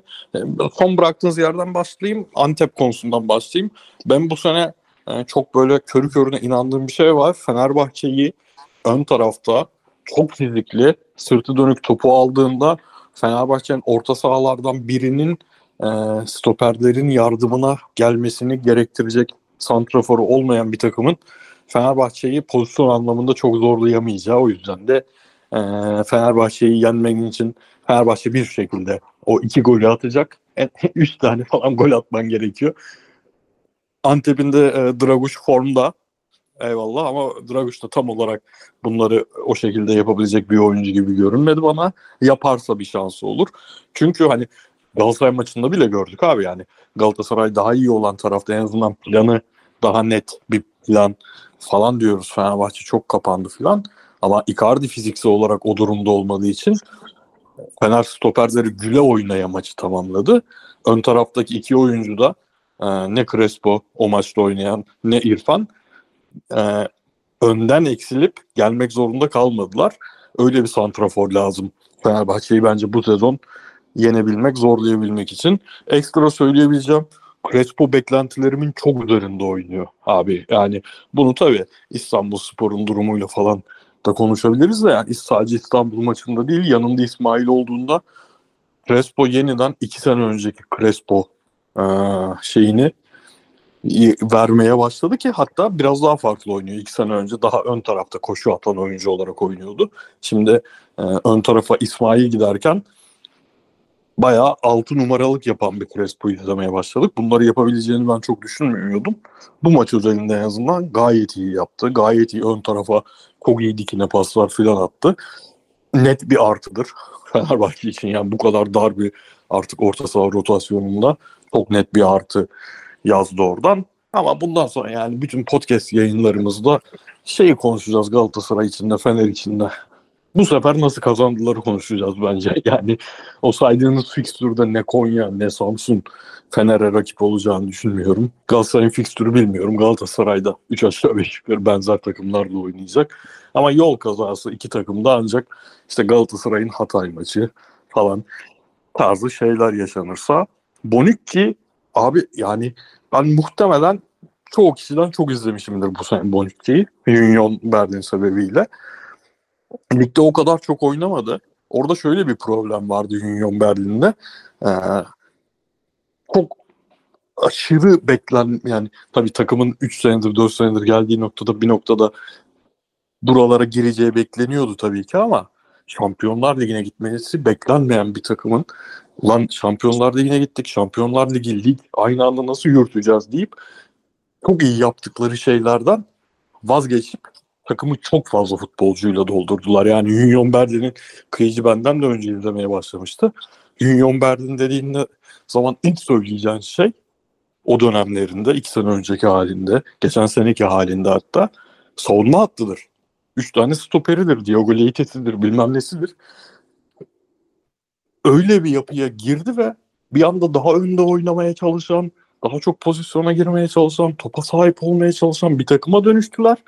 O karman çormanlıkta Bonucci de böyle uçak kaçmadı tabii ki. Çok kötü göründüğü maçlar oldu ki Bonucci'nin e, oynadığı takımın hocası ona uygun oyun seçmezse halde vücudunun kaldırmadığı yerler var. Ama bu bence bu Fenerbahçe stoper rotasyonuna cuk olur diye düşünüyorum ben.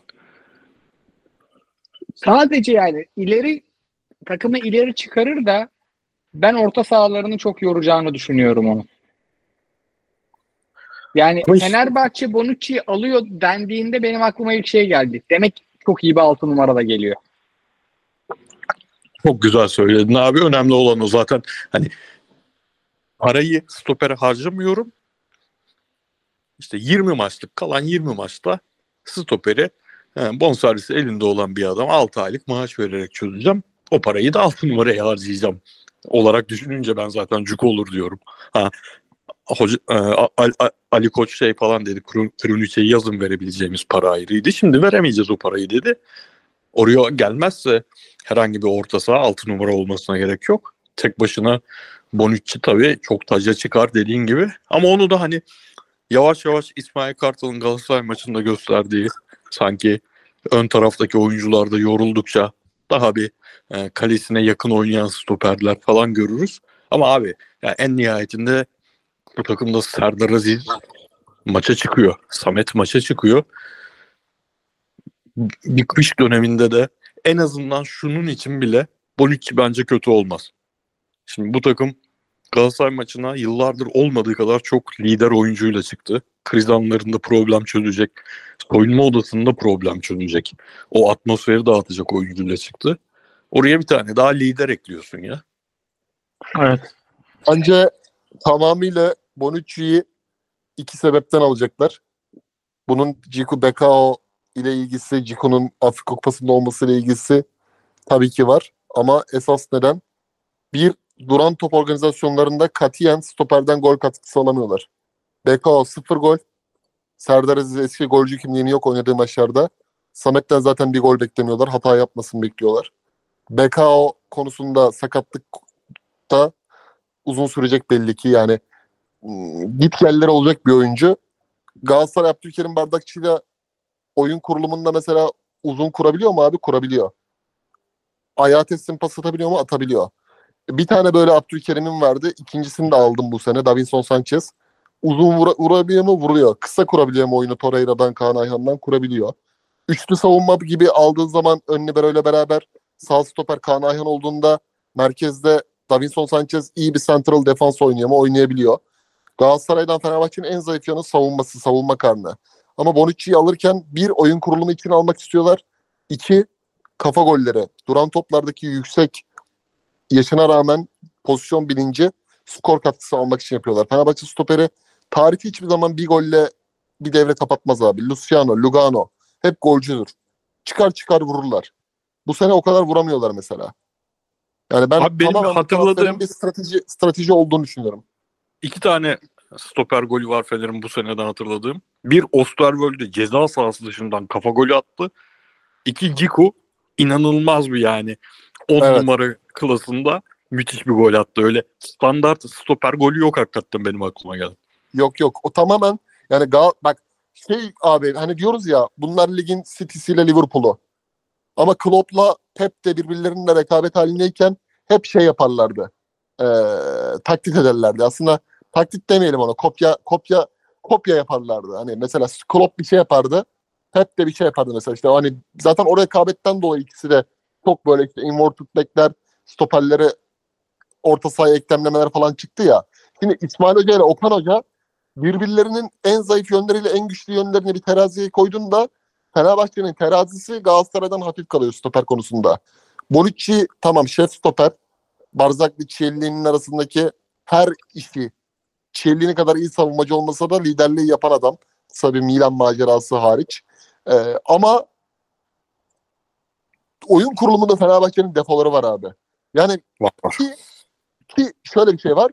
Sen bu oyun kurulumunu Nihat Zayt'si koymuşsun. Zayt'si denersin Crespo'yla. Eski 21-22'deki denemelerin tutmamış. İsmail'i oradan çekmişsin. Crespo'yu koymuşsun. İsmail'in yanına Fred yokken mesela Crespo oyun kuramamış. E Şimdi Fred yok. Gelecek. Ama belki bir daha olmayacak. Bir daha sakatlanacak. Oyunu nereden kurabilirsin? Arkadan Bonucci ile kurabilirsin. Yani bütün strateji bence İsmail Kartal'ın kafasındaki metot metot bence buradan dönecek. Valla 6 ay Bonucci iyi işleyip Anadolu'dan notlara geçiyorum. Geçmeden abi bir Tadic muhabbeti yapmak isterim sizinle. Ne düşünüyorsunuz şimdi e, kafayı karıştıran Cengiz performanslarından sonra? Şimdi Cengiz'i kesemezsin. E, İrfan'ı bu kadar iyi giden sezonda bir şekilde sahada tutman lazım. O yani Twitter'daki Fenerbahçelilerin konuştuğu Tadic'i keselim ve işte Cengiz'i oraya atalım. İşte Cengiz ve İrfan aynı anda sahada olsun fikri için. Abi Tadic kulübede yanında oturtabileceğim bir figür değil bence ya. Değil mi? Şey şey olabilir mi ama? Şimdi Şimanski'yi kesip Tadiç değil de Şimanski'nin yerine İrfan atsan olur mu?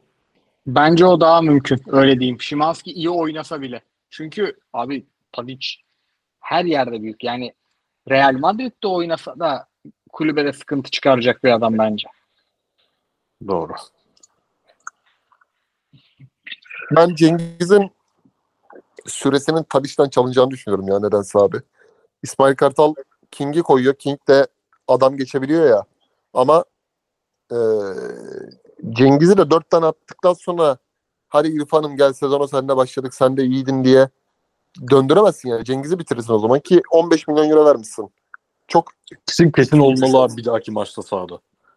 ya da Fred yokken hani ama İsmail Kartal da o adam değil işte yani. iki taneyi mutlaka çakacak abi Aykut kocaman ekolü. Merkezde iki adam olacak.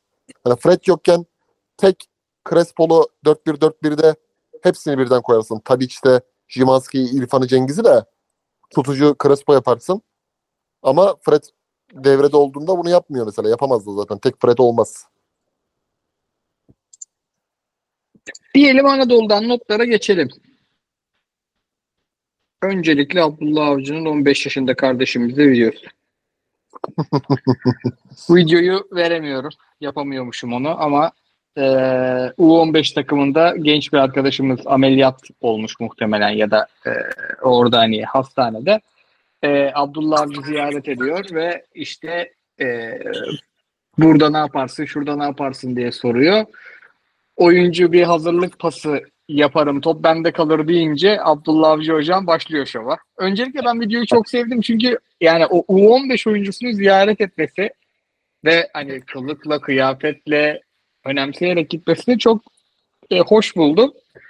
Ama hoca başka bir adam ya. Abdullah Avcı. Hoca o Hülya Avşar'a gitme mevzunu güzel geçti o döneme. Aynen. Arabistan Puan- olayı falan patladı. Abi var ya. Ya şey ben şimdi direkt hani şeyi okudum. Alıntıları okudum tamam mı? Hani millet ne düşünüyor diye. Biraz beklentimi karşılayacak mı diye asıl yazılan yorumlar. Bir kısmı şey demiş ben ona çok güldüm. Merak etme kardeşim 42 yaşına gelince demiş hoca seni oynatır. Yaş, yaşlı, yaşlı oyuncu fetişimi var ya gençleri çok kullanmama. bir kısmı Haftaya şey gel demiş. başlıyor diyor. Ha, bir kısmı şey demiş. Kardeşimiz sorgulayınca demiş hemen konuyu bir buçuk yıllık veri anlatmaya gitti demiş mesela. Ama bak Trabzon insanındaki mesela Karadeniz insanının genelinde de var ama Trabzonlar hani futbol daha çok böyle tutkun olduğu için özellikle mesela 15 yaşındaki çocuğun bile belki dayısı, belki abileri, belki işte hocaları bile belki ya bu Larsen'den Dansville'e, Dansville'den Uğurcan'a, Uğurcan'dan tekrar Larsen'e, Larsen'den Dansville'e, Dansville'den Bania'ya, Bania'dan tekrar Uğurcan'a kısmını bak kulak aşinalı bile olsa oradaki o özgüveni, cesareti, bunu Trabzonspor A takımı teknik direktörüne güzel biçimde anlatması, Trabzonspor'un teknik direktörünün sorunun karşısında afallayıp hemen böyle hani ya işte bunu da anlatıyoruz ama anlatmaktan bıktık. Bir buçuk yıldır ligin en çok yani yan pas yapmadan dik pas yapamazsın gibi basın toplantısına çevirmesi mevzuyu. Acayip bir video. yani mesela şimdi yan pas yapmadan dikine oynayamazsın tarzı böyle bir anlatıma gerek var mı yani 15 yaşındaki çocuğu orada? Hani bu başka bir teknik adam ne yapar mesela? Şenol Güneş veya Fatih Hoca çocuktan bir makas alır kameraların önünde. Hani sever susturur yani. Orada orada bile bir sunuma geçiyor yani. Aynen aynen yani. Çok Peki kıyıcı. Abi hastanedesin. Yatıyorsun. Abdullah Avcı ziyaretine geldi. Sen ne sorarsın hocaya? Benim abi mesela. Hocam önümüzdeki sezonun transfer planlarınızda nasıl bir yol izle- izleyeceksiniz yani? Mesela bu kadar ağdalı cümle kullanamazsam da şey derim yani hani hocam Vakayeme gelir mi? Gelecek mi mesela? Veya hocam işte Marek Hamşik gibi topçular alacak mıyız derim mesela. Ama Yani laf 30 artı diyorsun. 30 artıdan devam mı hocam diyorsun yani. Ya abi ya başka bir şey bilmiyor ki. Yani İlk futbolcu ekolü. Ama şunu yapıyor abi mesela şimdi oturduğun zaman sen şimdi mesela bugün Semih Kılıçsoy ile ilgili güzel cümleler söyledin sen de Koray'da mesela. Ya bir Trabzon ya mesela muhtemel kadroları görmeden ya bir Trabzonspor maçını açayım bir Enis Destan 11'de diyebiliyor musun abi? Dedirtiyor mu size? Dedirtmiyor. Yok. Dedirtmiyor abi. Mehmet Yani Can yeniden 11'e dönecek mi? Dönmeyecek. Yani, Ama yani bu hafta mesela şey olarak şaşırttı. Banya'yı oynattı. Mendy'yi yerine attı falan. Mesela Mehmetcan vardı. Çocuk aslan gibi. Fenerbahçe maçında bir hata yaptı ama onun dışında seyrettiğim maçlarda takır takır oynadı. Larsen'i şunu anlarım. Larsen'in bir pazarı olur. Ya bu takozu aldık ama bundan da beni eleştiriyorlar. Bunu bir sata, satmak için oynatıyorum. Göstermelik piyasa yapsın diye oynatıyorum anlarım da. Mesela Mehmetcan'ı niye kesiyorsun? Enis Destan her gidildiğinde katkı yaptı mesela. Onu niye kesiyorsun? Ha, Ömür bütün hocalar döneminde ben Abdülkadir Ömür'ü mesela Ünal Karaman döneminde izlerken bayılıyordum. Burada da konuşuyorduk hatta. Hatta siz de Ünal Karaman'ı sezon hocası seçtiniz o sezon. Nasıl bir top oynatıyordu? Haldır huldur. Nasıl üzerimize Ama yıktın kardeşim- ya? Nasıl üzerimize yıktın ya? yok yok. Döne, döne, dönemi anlatmak için kullandım burada. Öyle bir niyetim yoktu. Ama mesela abi Ömür her topu aldığında biliyorum o top nereye gidecek? O toptan sonraki top nereye gidecek? Yani oturup da bir Trabzon maçı izlemek keyfi iştahı bırakmıyor yani. Ve oyuncuları da bence bu geriye götürüyor yani.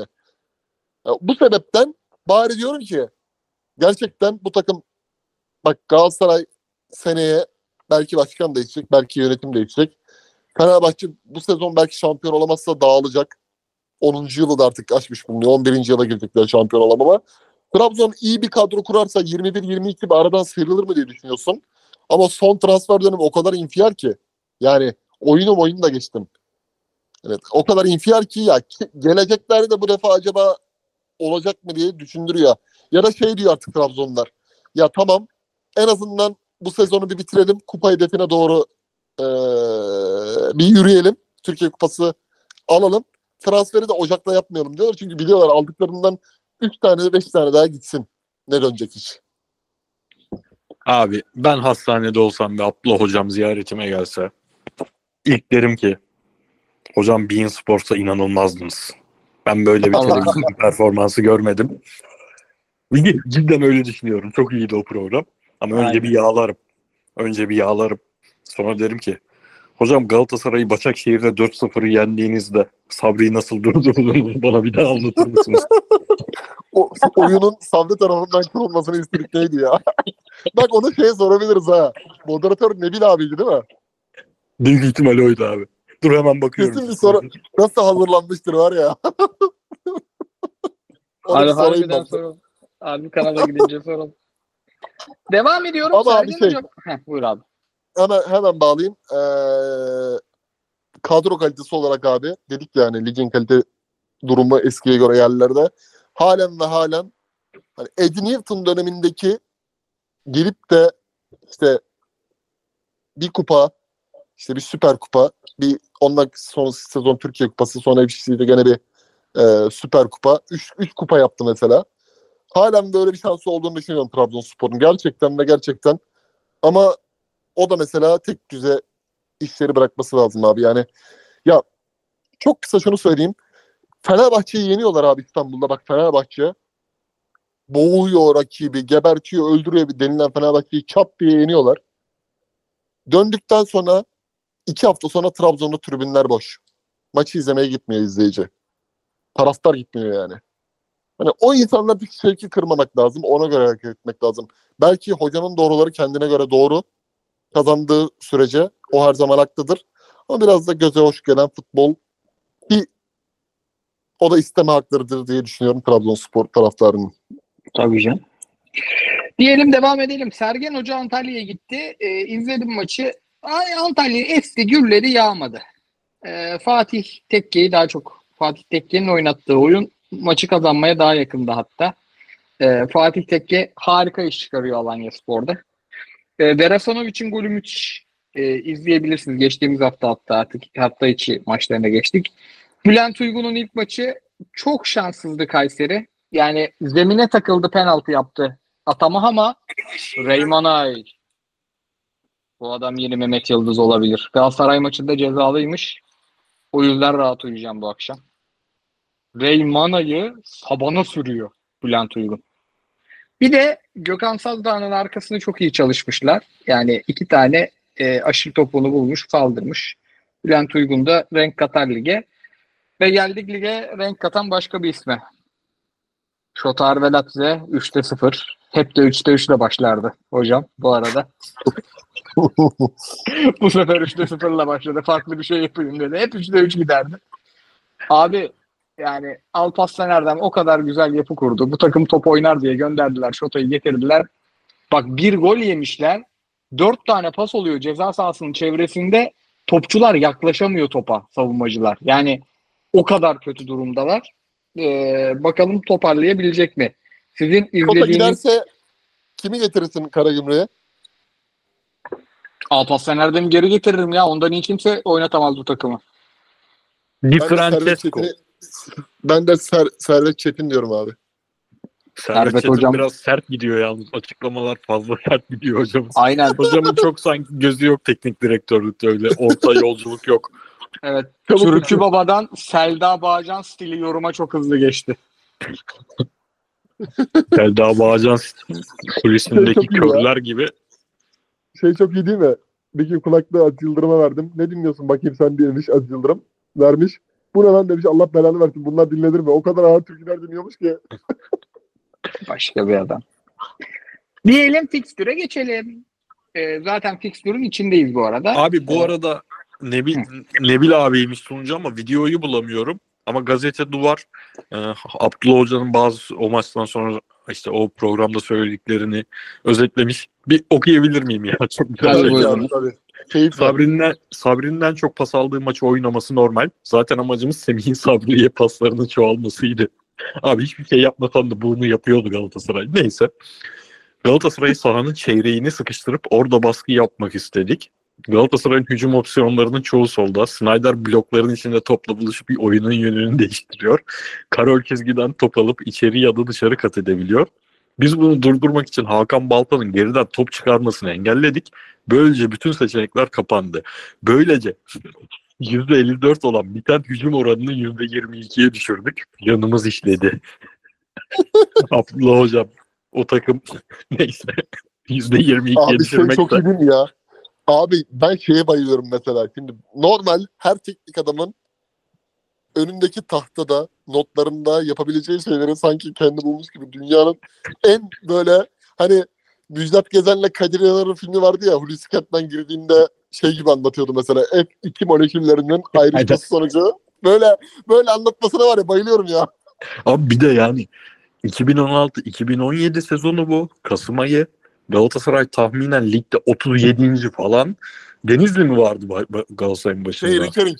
Rickering vardı. Denizli bile yok. Rickering vardı. Mesela bu maçtan sonra televizyona çıkmak da şeydir yani bayağı ilginç bir şeydir ya.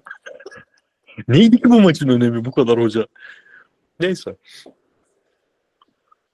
Fikstüre geçtik. Ee, zaten içindeyiz. Alanya Ankara gücü, Pendik Antalya, Rize Beşiktaş, Paşa Başakşehir oynandı. Başakşehir 3 atmış Paşa'ya. Ee, yarın saat 5. Hatay Antep. Hatay hakikaten düşmeye çok ciddi aday. Hiç iyi gitmiyorlar. Ee, önemli bir maç onlar için. Aynı saatte Karagümrük Kayseri'de var. Şoto hocamı izleriz. Çünkü Kayseri çok şanssız kaybetti. Bu maça hava şartları el verirse bayağı iyi bir Kayseri bekliyorum. Ee, sıkıntı yaşayabilir Karagümrük.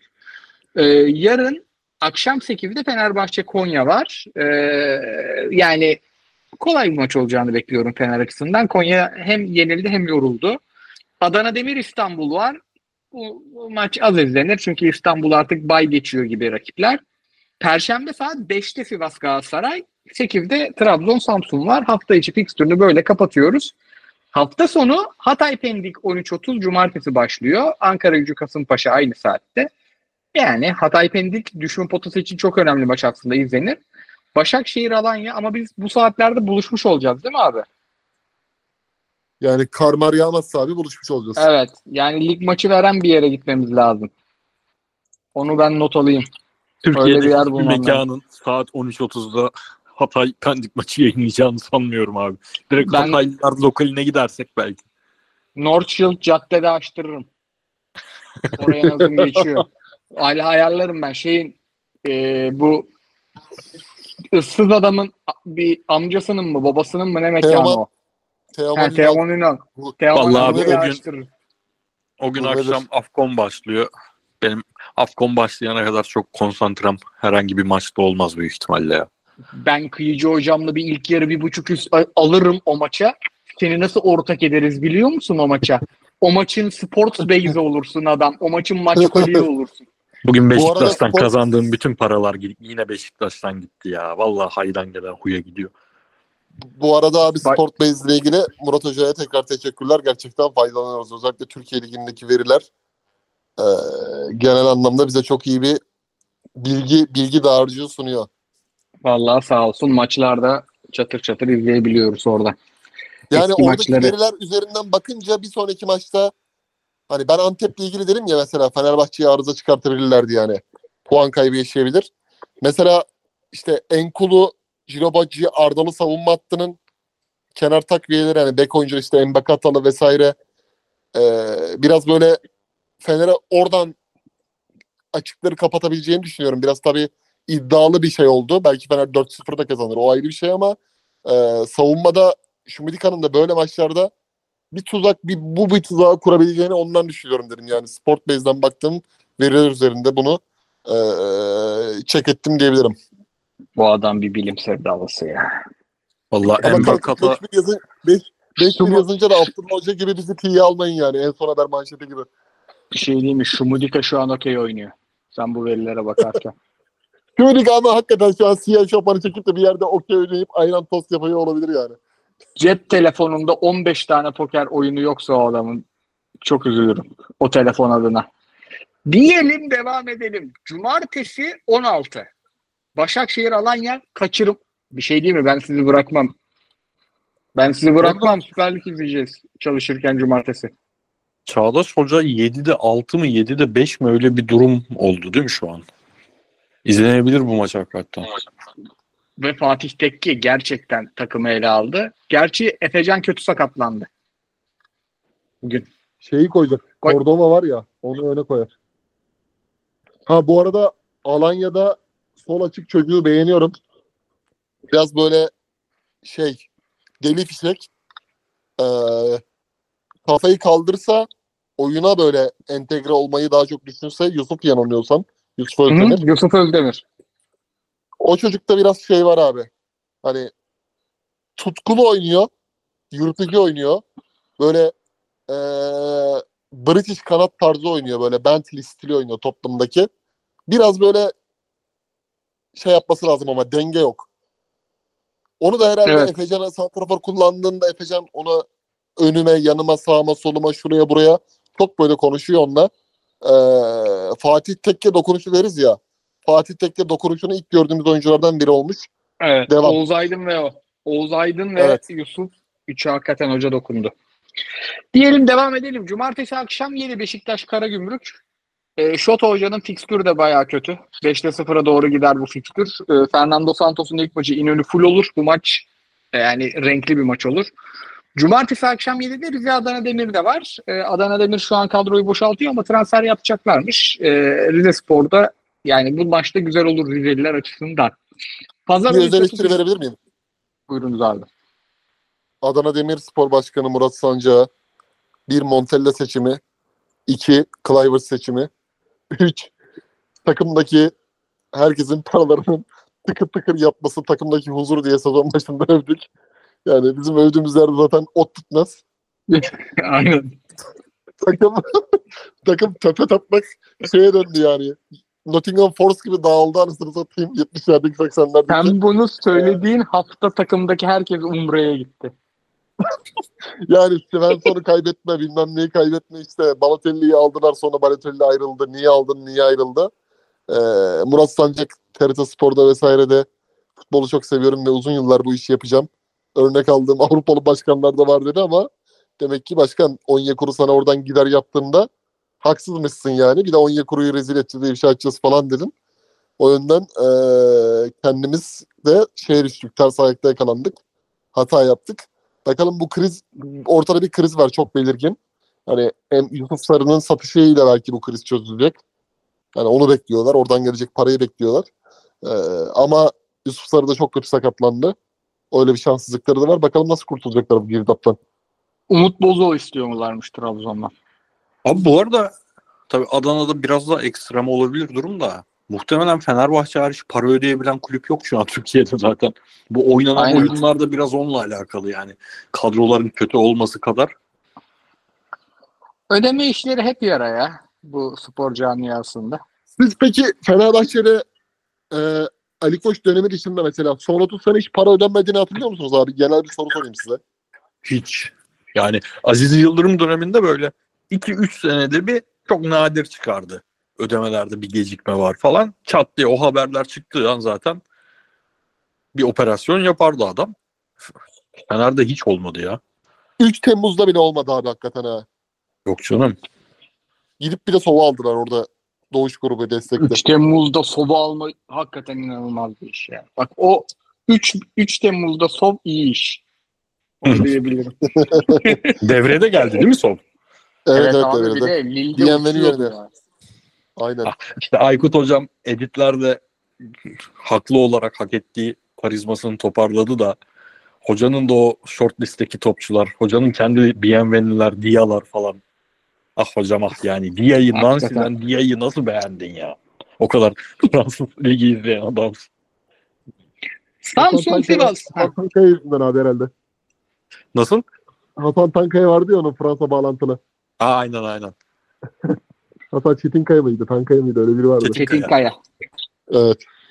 Samsun Sivas Pazar 16, Antalya Trabzon Pazar 16. Antalya Trabzon izlenir. Sergen Hoca Abdullah Avcı'ya karşı. Baş, abi inanılmaz iyi fikstür hafta sonu ya. Yani inşallah hava el verir de şu maçları keyifle izleriz. Pazar günü 19 Antep Fenerbahçe, pazartesi 20 Galatasaray Kayseri. Yani önümüzdeki pazartesi erken çekiyoruz. Tokiler mesleleri diyelim. Ve sorularımıza geçelim. Bayağı bir soru var. Beyler.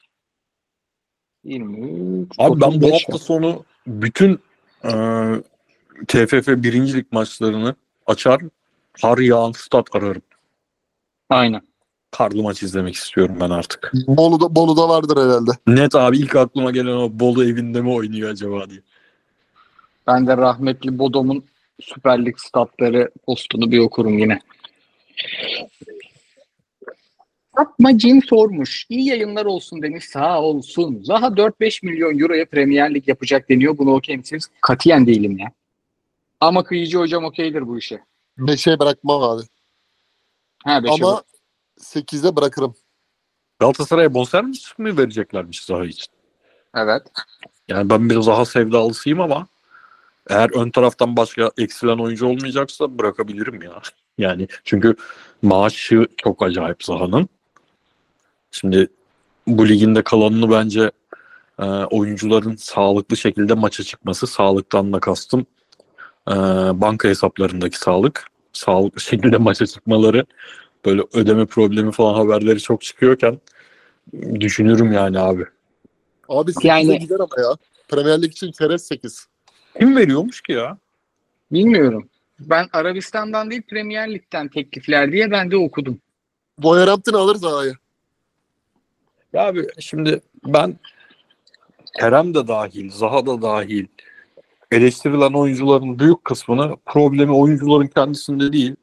Kulübün işte 3-4 hatta 5 sene sonra Şampiyonlar Ligi oynaması bu süreç içinde haliyle teknik direktörünün bir türlü e, istikrarlı ön taraf yapısını oluşturamaması, Icardi'nin durumu çok kritik, Icardi önlerinde oynayan oyuncunun da hiç yardımcı olmaması falan bunlara bağlıyorum. Ve en sevmediğim şeydir yani bu kadar kısa sürede al, aldığın oyuncudan bu kadar kısa sürede vazgeçmek. Ama bir de hayatın gerçekleri var. Bazen uyuşmuyor abi yani tribünle kan tutmuyor. Zaha'da biraz maalesef o var. Tutmuyor yani Zaha'nın suratı bile itici geliyor artık çoğunda. Varsa teklif hani Icardi ile Instagram'dan arkadaş bile değillermiş. Yani ne, ne bu havalar kardeşim ya? Harbi ne var yani? Gidin Be- ben de bir sürü böyle sevdiğim insanla takipleşmiyorum. O beni takip etmedi o etsin diye de siz ben değilsiniz abi siz aynı takımda aynı hedef için uğraşan insanlarsınız.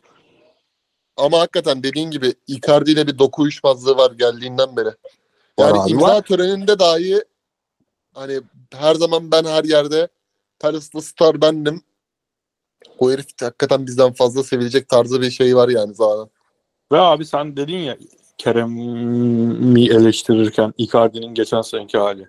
Icardi geçen sene çok çok acayip goller attı. Yani bireysel olarak çok acayip goller attı.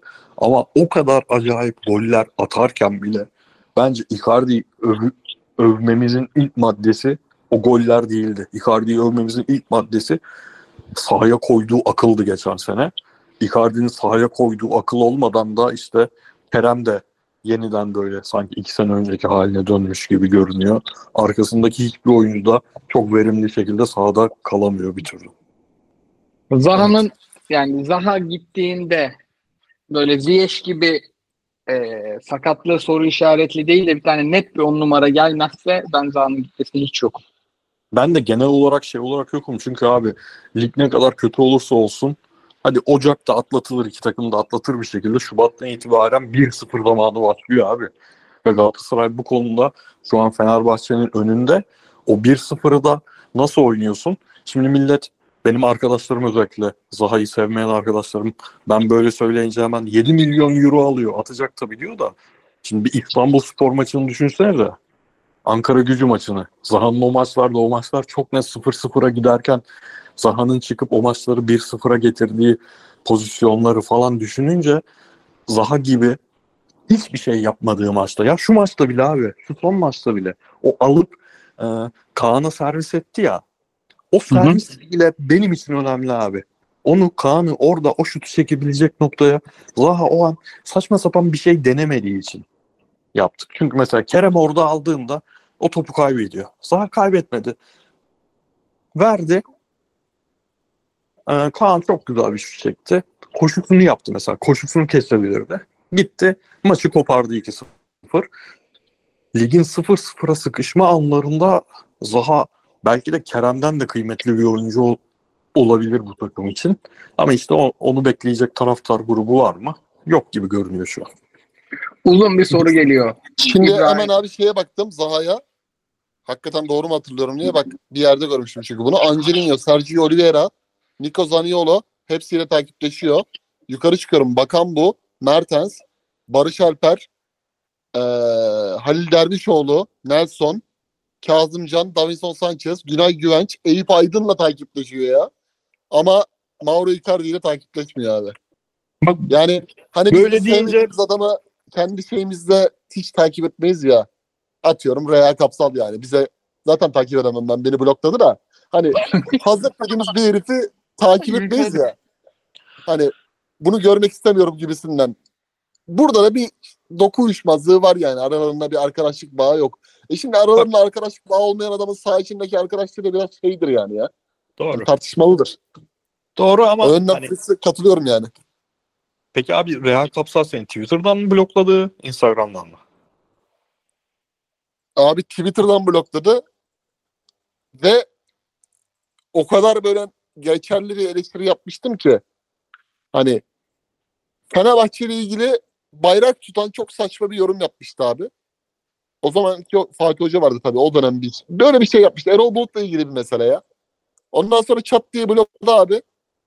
Ondan sonra zaten hani kendisinin yayınlardaki komik karikatür olacak şeylerini izleyince çok doğru bir karar verdiğini, bizi kolaylıktan kurtardığını söylemiş olalım. Neyse abi bana mesela çok fazla şey diye mi geliyor? Koray abi beni bloklamış söyler misin açar mı? Kıyıcı abi beni bloklamış söyler misin açar mı? Siz de bloğu artık yapıştıran insanlarsınız. Reha Hoca'ya ekstra bir şey demeyelim o yüzden. Uzun bir soru Ama biz geliyor. küfür küfür gelmedikçe bloklamayız abi ya. Yani muhtemelen evet. Gerçi Koray o konuda biraz ters. Dur gelmese de bazen blokluyor. Ben, ben yok. Ben şurada blokluyorum. Ya bu yazılır mı? Oğlum He, o diyorsun okunur ki lan- mu? Pezevenk. Burası benim kişisel internet Ha. sitem. Soru bu. Yani. Bu okunur mu? Bence okunmaz. O zaman ben seni okuma zahmetinden kurtarayım kardeş. Ya bir de Yani- şöyle bir şey var abi. Hani bloklamıyorum ama artık ben mesela 5 sene önce olsaydı ya siktir git seninle mi uğraşacağım derdim ve çakardım bloğu. Şimdi böyle mesela yazıyorum. Diyorum ki mesela hani İstanbul'daki maçta diyorum eğer Berkan olsaydı Efor'uyla dakika 60'ta Kaan Ayhan sarı kart görünce Mertens'in oyuna girdiğinde hiçbir şey yapamadığı denklemde en azından yenilmezlik belki diyorum. Yazıyorum abi tamam mı? Bak yazdığımı da okumuyorum. Sonra bir mention geliyor abi. Vah vah vah. Berkan olsaydı da Galatasaray Bayern'i yenecekti. Ha. Vay be ne oyuncuymuş Berkan. Ya diyorum ki oğlum ben mi acaba yanlış bir şey yazdım? Bir daha okuyayım yazdım diyorum. Size okuduğum gibi yazmışım. Yani şimdi bunu bloklamıyorum. Anlatıyorum mesela. Diyorum ki bak sevgili Über Zeka. Ben burada... Ya bloklasan daha iyi abi. Aynen abi işte ben blokluyorum. Yani işte okuduğunu anlamama boyutu inanılmaz abi Türkiye'de ya. Hakikaten adam okuduğunu anlayamıyor ya. Hani sesliyi anlıyorum tamam mı? Kulaklığı takarsın. Bir şeye dalarsın o an ekranda. Kulaklıktan bir şey dinlerken o kaçabilir. Bunu bunu anlarım. Ama adam gözüyle gördüğünü anlayamıyor abi. İnanılmaz bir şey ya. Geçtim Uzun bir soru geliyor diyecek şimdi Koray. Hemen Aynen. ben bir şey söyleyeyim. Ben de dün abi ulan bir Nezih Onur Kuru şakası yapacaktım tamam mı? Şakaya başlamadan aa dedim bak bu adam 6-7 aydır salak salak fikirleriyle önüme düşmüyor. Helal olsun çocuğa demek geliştirmiş kendini diye düşünüyordum. Sonra hesabına girdim beni bloklamış o yüzden düşmüyormuş. Onurdur mesela o lavuk tarafından bloklanmak deyip bu sefer bu uzun soruya geçiyorum beyler. Süper Lig kulüp başkanları demiş İbrahim Bey. Keşke bu soru 4 değil 5 tweet olmasaymış. Takımların başındaki teknik direktörden sahip oyuncu oldukları oyunculardan gelirin giderin çok olmasından, hakemlerden, federasyondan her şeyden memnuniyetsizlikler. Zeminleri, taraftarlara izlettikleri oyunun kalitesini umursamıyorlar. İmajın hiç bölümü yok. Sorunlarla ilgili dile getirdikleri çözüm önerileri de yok. Yani oyunu umursamıyorlar. Ülke futbolu adına yalnızca onların ve aynı zamanda siyasi figürlerin karar alma, alma hakkına sahip olmaları ve karar almamaları yani izleyicilere, taraftarlara yapılan bir haksızlık değil mi? Ee, Avrupa'da nadiren yerelde tesadüfi denilecek oyunları kenara bırakırsak elimizde ne var? Bir yıl sonra da aynı sorunlar devam edecek. Kulüplerin başkanlığı, kulüp başkanlığından ne fayda görüyorlar ki koltuklarını kaybetmek dışında şey yok, dertleri yok. Ee, uzun mesaj oldu bir şey diyeyim mi? Hocam sadece bir soru. Ya şu tweet okeymiş ya. İbrahim Hocam. Bu oyun için umut var mı? Soru soru buymuş. E sadece haftada iki kez ekran başına geçip ilk Türk takımının kaliteli bir futbol maçını izlemek istiyorum demiş. Oyun için umut her zaman var ya. Yani var. Ama bunlar biz içinde olduğumuz için bu kadar bizim gözümüze burada bakıyor, batıyor. Yani gidelim işte Yunanistan Ligi ile bir, ilgili bir şeyler araştırıyorum. Yani şu an Fatih Hoca'nın rakibinin başkanı sahaya silahla girmiş mesela. Maçlar seyircisiz oynanıyor. İtalya'da bir sürü bok küsür var. Fransa'da bir sürü bok küsür var. Yani her yerde bir şeyler var. Her yerde oyunu kirleten unsurlar var. Burada biraz daha biraz daha fazla siyasetle güdümlü. Ben burada biraz suçu taraftarda da görüyorum. Kimse kusura bakmasın.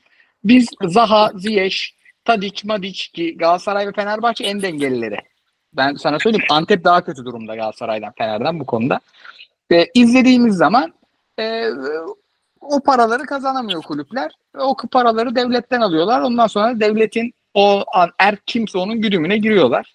Yani taraftardan da çok ayırmak istemiyorum. Ama oyun için her zaman umut var. İşte önümüzdeki hafta izleyeceğimiz 50 tane güzel maç var. Ya Ama iki tane takıma indirgemiş ya. İki takıma indirgediği için geri kalan şeylere de ben de çoğunlukla katılıyorum ama hani ya iki tane maç izleyeceğim haftada dediği zaman o senin dediğin biz de biraz şey olduk yani. Mesela Galatasaray'ın geçen sene eee, nereden alalım Beşiktaş maçından eee, finale kadar sarhoş çıkılan Fenerbahçe maçına kadar oynadığı futbol mesela bir teknik direktöre üstüne bir de şampiyonluk getiriyorsa çok büyük bir kredi vermesi lazım. Ama görüyoruz ki vermiyor mesela. O futbol biz her oturduğumuzda güzel Galatasaray maçı izledik. Dönelim bu seneye. Bu senenin başından beri o işte sakatlıklar, cezalar falan olan süreç dışında. Fenerbahçeli maçın izlemeye oturduğunda güzel maç izledi. Yani maçın skorundan haberi olmadan o maçı bitirse ya ben ne izledim diyeceği maçlar izlemedi. Ve bundan mutlu olunmuyor ama. Yani işte Galatasaraylısı çıkıyor diyor ki e, Kopenhag'a geçildin. Ben ne yapayım Kopenhag'a geçilen hocayı? Fenerlisi çıkıyor. B planın yok. Büyük maçta göreceğiz. Yani andan keyif alma işi de çok az kaldı ama geri kalan her şeye katılıyorum. Abi şey ya daha bu hafta oldu. Bu ligde literal olarak literal olarak küme düştüğü halde bundan 3 sene önce küme düştüğü halde küme düşürülmeyen kulübün başkanı o zamanlar başkanı değil de ama en azından aynı kulüp şu anki başkanı çıktı dedi ki bu lig kurgu dedi mesela. abi küme düştün ve küme düşürülmedin sen ya. Aynen abi. Yani bu ligin kurgu olduğu için senin maçında hakem hatası olması mı gerekiyordu? Böyle bir ortam. Bir de şeyi konuşmak hakikaten bir ara o gün bugün değildir de konuşmak lazım. Anadolu takımları gerçekten çok kolay sıyırıyor. Mesela tesisi yok, altyapısı yok. Ee, 15 tane yabancısı var ama çok sempatikler. Yok öyle bir sempati. Abi valla Yani sanki Galatasaray ve Fenerbahçe, Galatasaray'ın Fenerbahçe'nin taraftarları daha bilinçli abi. Yani Bursa nereye gitti? Eskişehir nereye gitti? Karabük nereye gitti? Bunların peşinden kimler Hay koştu? hay yaşa tam onu söyleyecektim. Bu ligde mesela spor hukuku uygulanmamalı bence. Spor hukuku değil gerçekten adli normal. Ee, çünkü spor hukukunda yaptığın şeylerin ee, normal hayattaki gibi bir hukuki karşılığı yok. Ben tam şey örneği verecektim. Eskişehir'i unutmuştum. Sağ olun eklediğin için. Ben de Bursa ve Karabük sporu o hale düşürenlerden bir hesap sorulacak mekanizma olmadıkça o kısım öyle devam edecek. Diyelim devam edelim. Yine uzun ama daha kısa bir soru. Bari Datan, nickli e, pardon, handle'lı arkadaşımızdan. Son zamanlarda Galatasaray hakkında çıkan dedikodularda Galatasaray muhabirlerinin performansını nasıl buluyorsunuz? Divan kurullarını dakika dakika izliyorum. Sadece orada verilen bilgileri kullanarak Galatasaray'ın mali durumuna dair onlarca bilgi var ama muhabirler o bilgilerin tersine haber diye veriyorlar. Komik duruma düşüyorlar. Onların komik duruma düştüğünü anlayacak kitle de yok. E, ne zaman bir atletikimiz olur Koray Hocam diye bana sormuş. Atletikimiz olmaz. Atletiki New York Times almasa atletik batardı. Atletik her sene zarar eden bir kurum. Hiç de iyi bir iş modeli yok. E, zaten hem reklam vermeye hem para almaya başladılar. Muhteşem bir yer. Her gün bir saat okuyorum en az. Ama iş modeli açısından benim işim iş modeli yaratmak iyi bir yer değil. New York Times ama bazı yerlerde satılsın diye kurulur. New York Times satın aldı. Onları kuranlar mutludur ama işletme zarar ediyor. Ama zaten şunu adını koymak lazım. Medya kurumu ekseriyetle zarar eder. Ee, bizim de medya kurumlarımız şu an ekseriyetle zarar ediyorlar.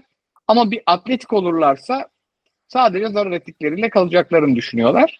Atletik olmaya çalışanlar oldu. Sokrates falan öyle app'ler çıkardı, yazılar mazılar denedi ama ee, çok başarılı olduğunu görmüyorum. Yani app'lerin kendisi bile sallanıyor. İkinci faza geçemediler.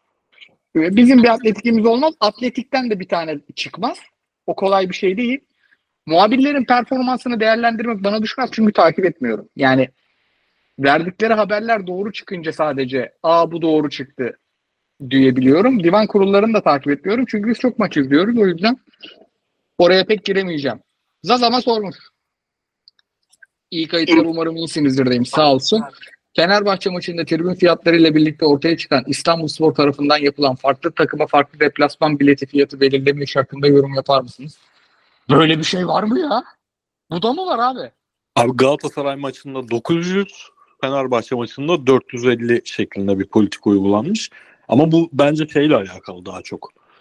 Ee, nasıl söyleyeyim? Çünkü geçen senede de Fenerbahçe'nin ben ya Karagümrük ya İstanbulspor aynı takım olmayabilir ama şikayetçi olduğunu hatırlıyorum. Şöyle bir durum olabilir. Şimdi bu takımın başkanı bir ay önce, bir maç önce takımını sağdan çekti ve e, gidişat onu gösteriyor ki işte 5 sene önceki Karagüm, Karabüğün ikinci ya- yarıda yaşadığı şeyi bu sene bu takım yaşayacak. 6 sene önce yaşananı. E, aşağı giderken kazanabildiği kadar kazanmak istiyor diye olumlu taraftan bakmak istiyorum yani. İstanbulspor biletleri bedava yapsa da 10 milyar yapsa da ligin kaderi hakkında bir etkisi olmaz. O kadar kötü bir takım kurmuşlar da e, çok yanlış bir uygulamaymış ya bu. Bu neymiş? Yusuf Demirci sormuş. Galatasaraylı olarak Gökhan Dinç hak- hakkındaki fikir ve düşünceleriniz. Abi izlediniz mi basın toplantısını? Ben izledim abi. Kepazelik değil mi o soru sorma şekli? Yani oturuş şekli yani bunu şeyden söylemiyorum. Karşımda büyük bir kulübün başkanı var. Öyle bir hiyerarşik yerden söylemiyorum. Karşımda herhangi bir insan var ve herhangi bir insanla konuşurken senin yakın arkadaşın falan değilse öyle oturarak bir şey sormak zaten çirkin de. Ya isim olarak gerçekten kişiselleştirmeyeceğim ben ama para eden yer artık Türkiye'de hani paradan kastım da abi kralsın diye kendine göre bir kitle oluşturulan yer. Bu üslup, bu tarz. Ya bilmiyorum. Ben, benim ümidimin çok kırıldığı bir konu. Ben 5 sene önce yani hiç tahmin etmezdim. Türk bütün kulüplerin bütün kulüp yöneticilerinin bir sürü irili ufaklı Ahmet Ercanlar eee, oluşmasını sağlayacağını. Ama şu an ortam öyle bir yerde. Valla bir yaştan sonra insan maalesef muhafazakarlık böyle bir şey herhalde muhafa muhafazakarlaşma. Çözüm üretmek, umutlu olmak yerine böyle demeye başlıyor. Ben öyle bir konumdayım. Ne diyeyim bilmiyorum valla. Ne denir bilmiyorum. Bir de bırakıp gidiyor değil mi? Hani ters Evet, bir cevap evet. aldığı için ki hani ters cevap da tamam ters ve sert bir cevap veriyor Hasan Arat. Ama hani hakaret yok, bir şey yok. Böyle kişisel olarak seni yaralayacak bir şey yokken soru sorduğun insan hoşuna gitmeyen bir şey söyledi diye kalkıp gitmek bilmiyorum. Abi eli kafada ya şunu yani bu bir görgü kuralıdır abicim. Biriyle konuşurken koltuk altında taşakların olabildiğince az görünür. Yani bu böyle yani bu şey yani ilkokul 1'de öğretiliyor.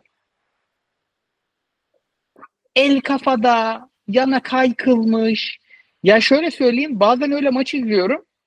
Eşime bir şey sormadan önce toplanıyorum ben. Yani aynı evde yaşıyoruz. Pijamayla oturuyorum evde. Yamuk oturmuş maç izliyorum. Önümde FM açık. Bir yandan FM'ye bakıyorum. Bir yandan atıyorum Brezilya Ligi'ne bakıyorum.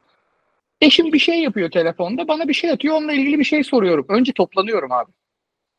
Ya Beşiktaş başkanını geçtim. Eşimle dostumla böyle konuşulmaz ya. Yani ben sizin karşınızda o pozisyonda bir şey sorsam Koray'ım hayırdır koltuk altı mı ektirdin dersiniz yani. Bu Beşiktaş başkanıyla alakasız bir yamukluk var orada o oturuşta falan. O yüzden düşüncem bir, yani aynaya bakıp çalışması gerekiyor insanların birkaç yaşında Abi- olursa olsun. Aynen şöyle bir durum var. Şimdi bir önceki soru sen bir soru sordun işte. Twitter'da maç oynanırken o maç oynanırken konuşulup durdu. İşte zaten az çok herkesin kafasında canlanan her kulübün o enteresan mavi tıklı hesapları şey yaptı. İşte bet hesapları, bet reklamı alan hesaplar falan körükledi, körükledi. Şimdi sen bu soruyu sordun.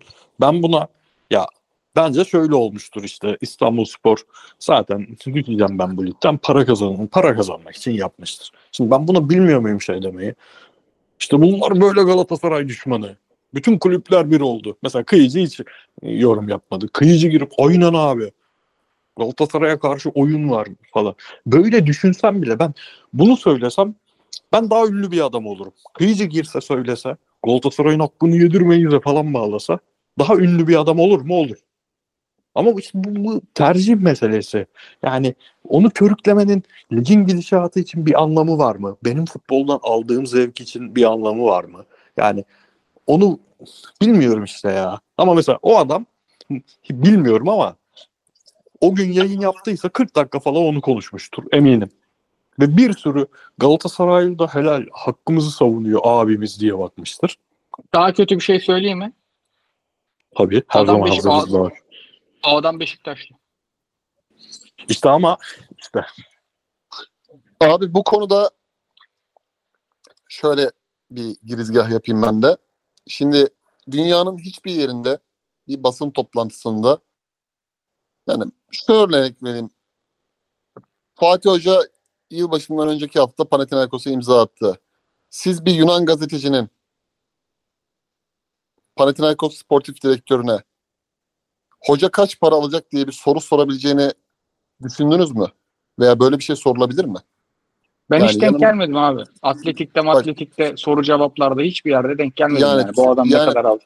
Anadolu'da bile Osman Özköylü Pendik'te atıyorum Fatih Tekke Alanya'da Servet Çiğet'e Sivas'ta çalışırken son bunla, bu sezon içerisinde olduğu için bir başkanın yanında mesela hani Mecnun Otçakmaz'a sor bakayım Bülent Aygun kaç para alacak diye. Yerel muhabir ol sor bakayım hadi.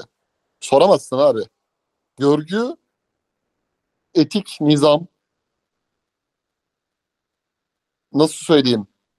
Mesleki saygı.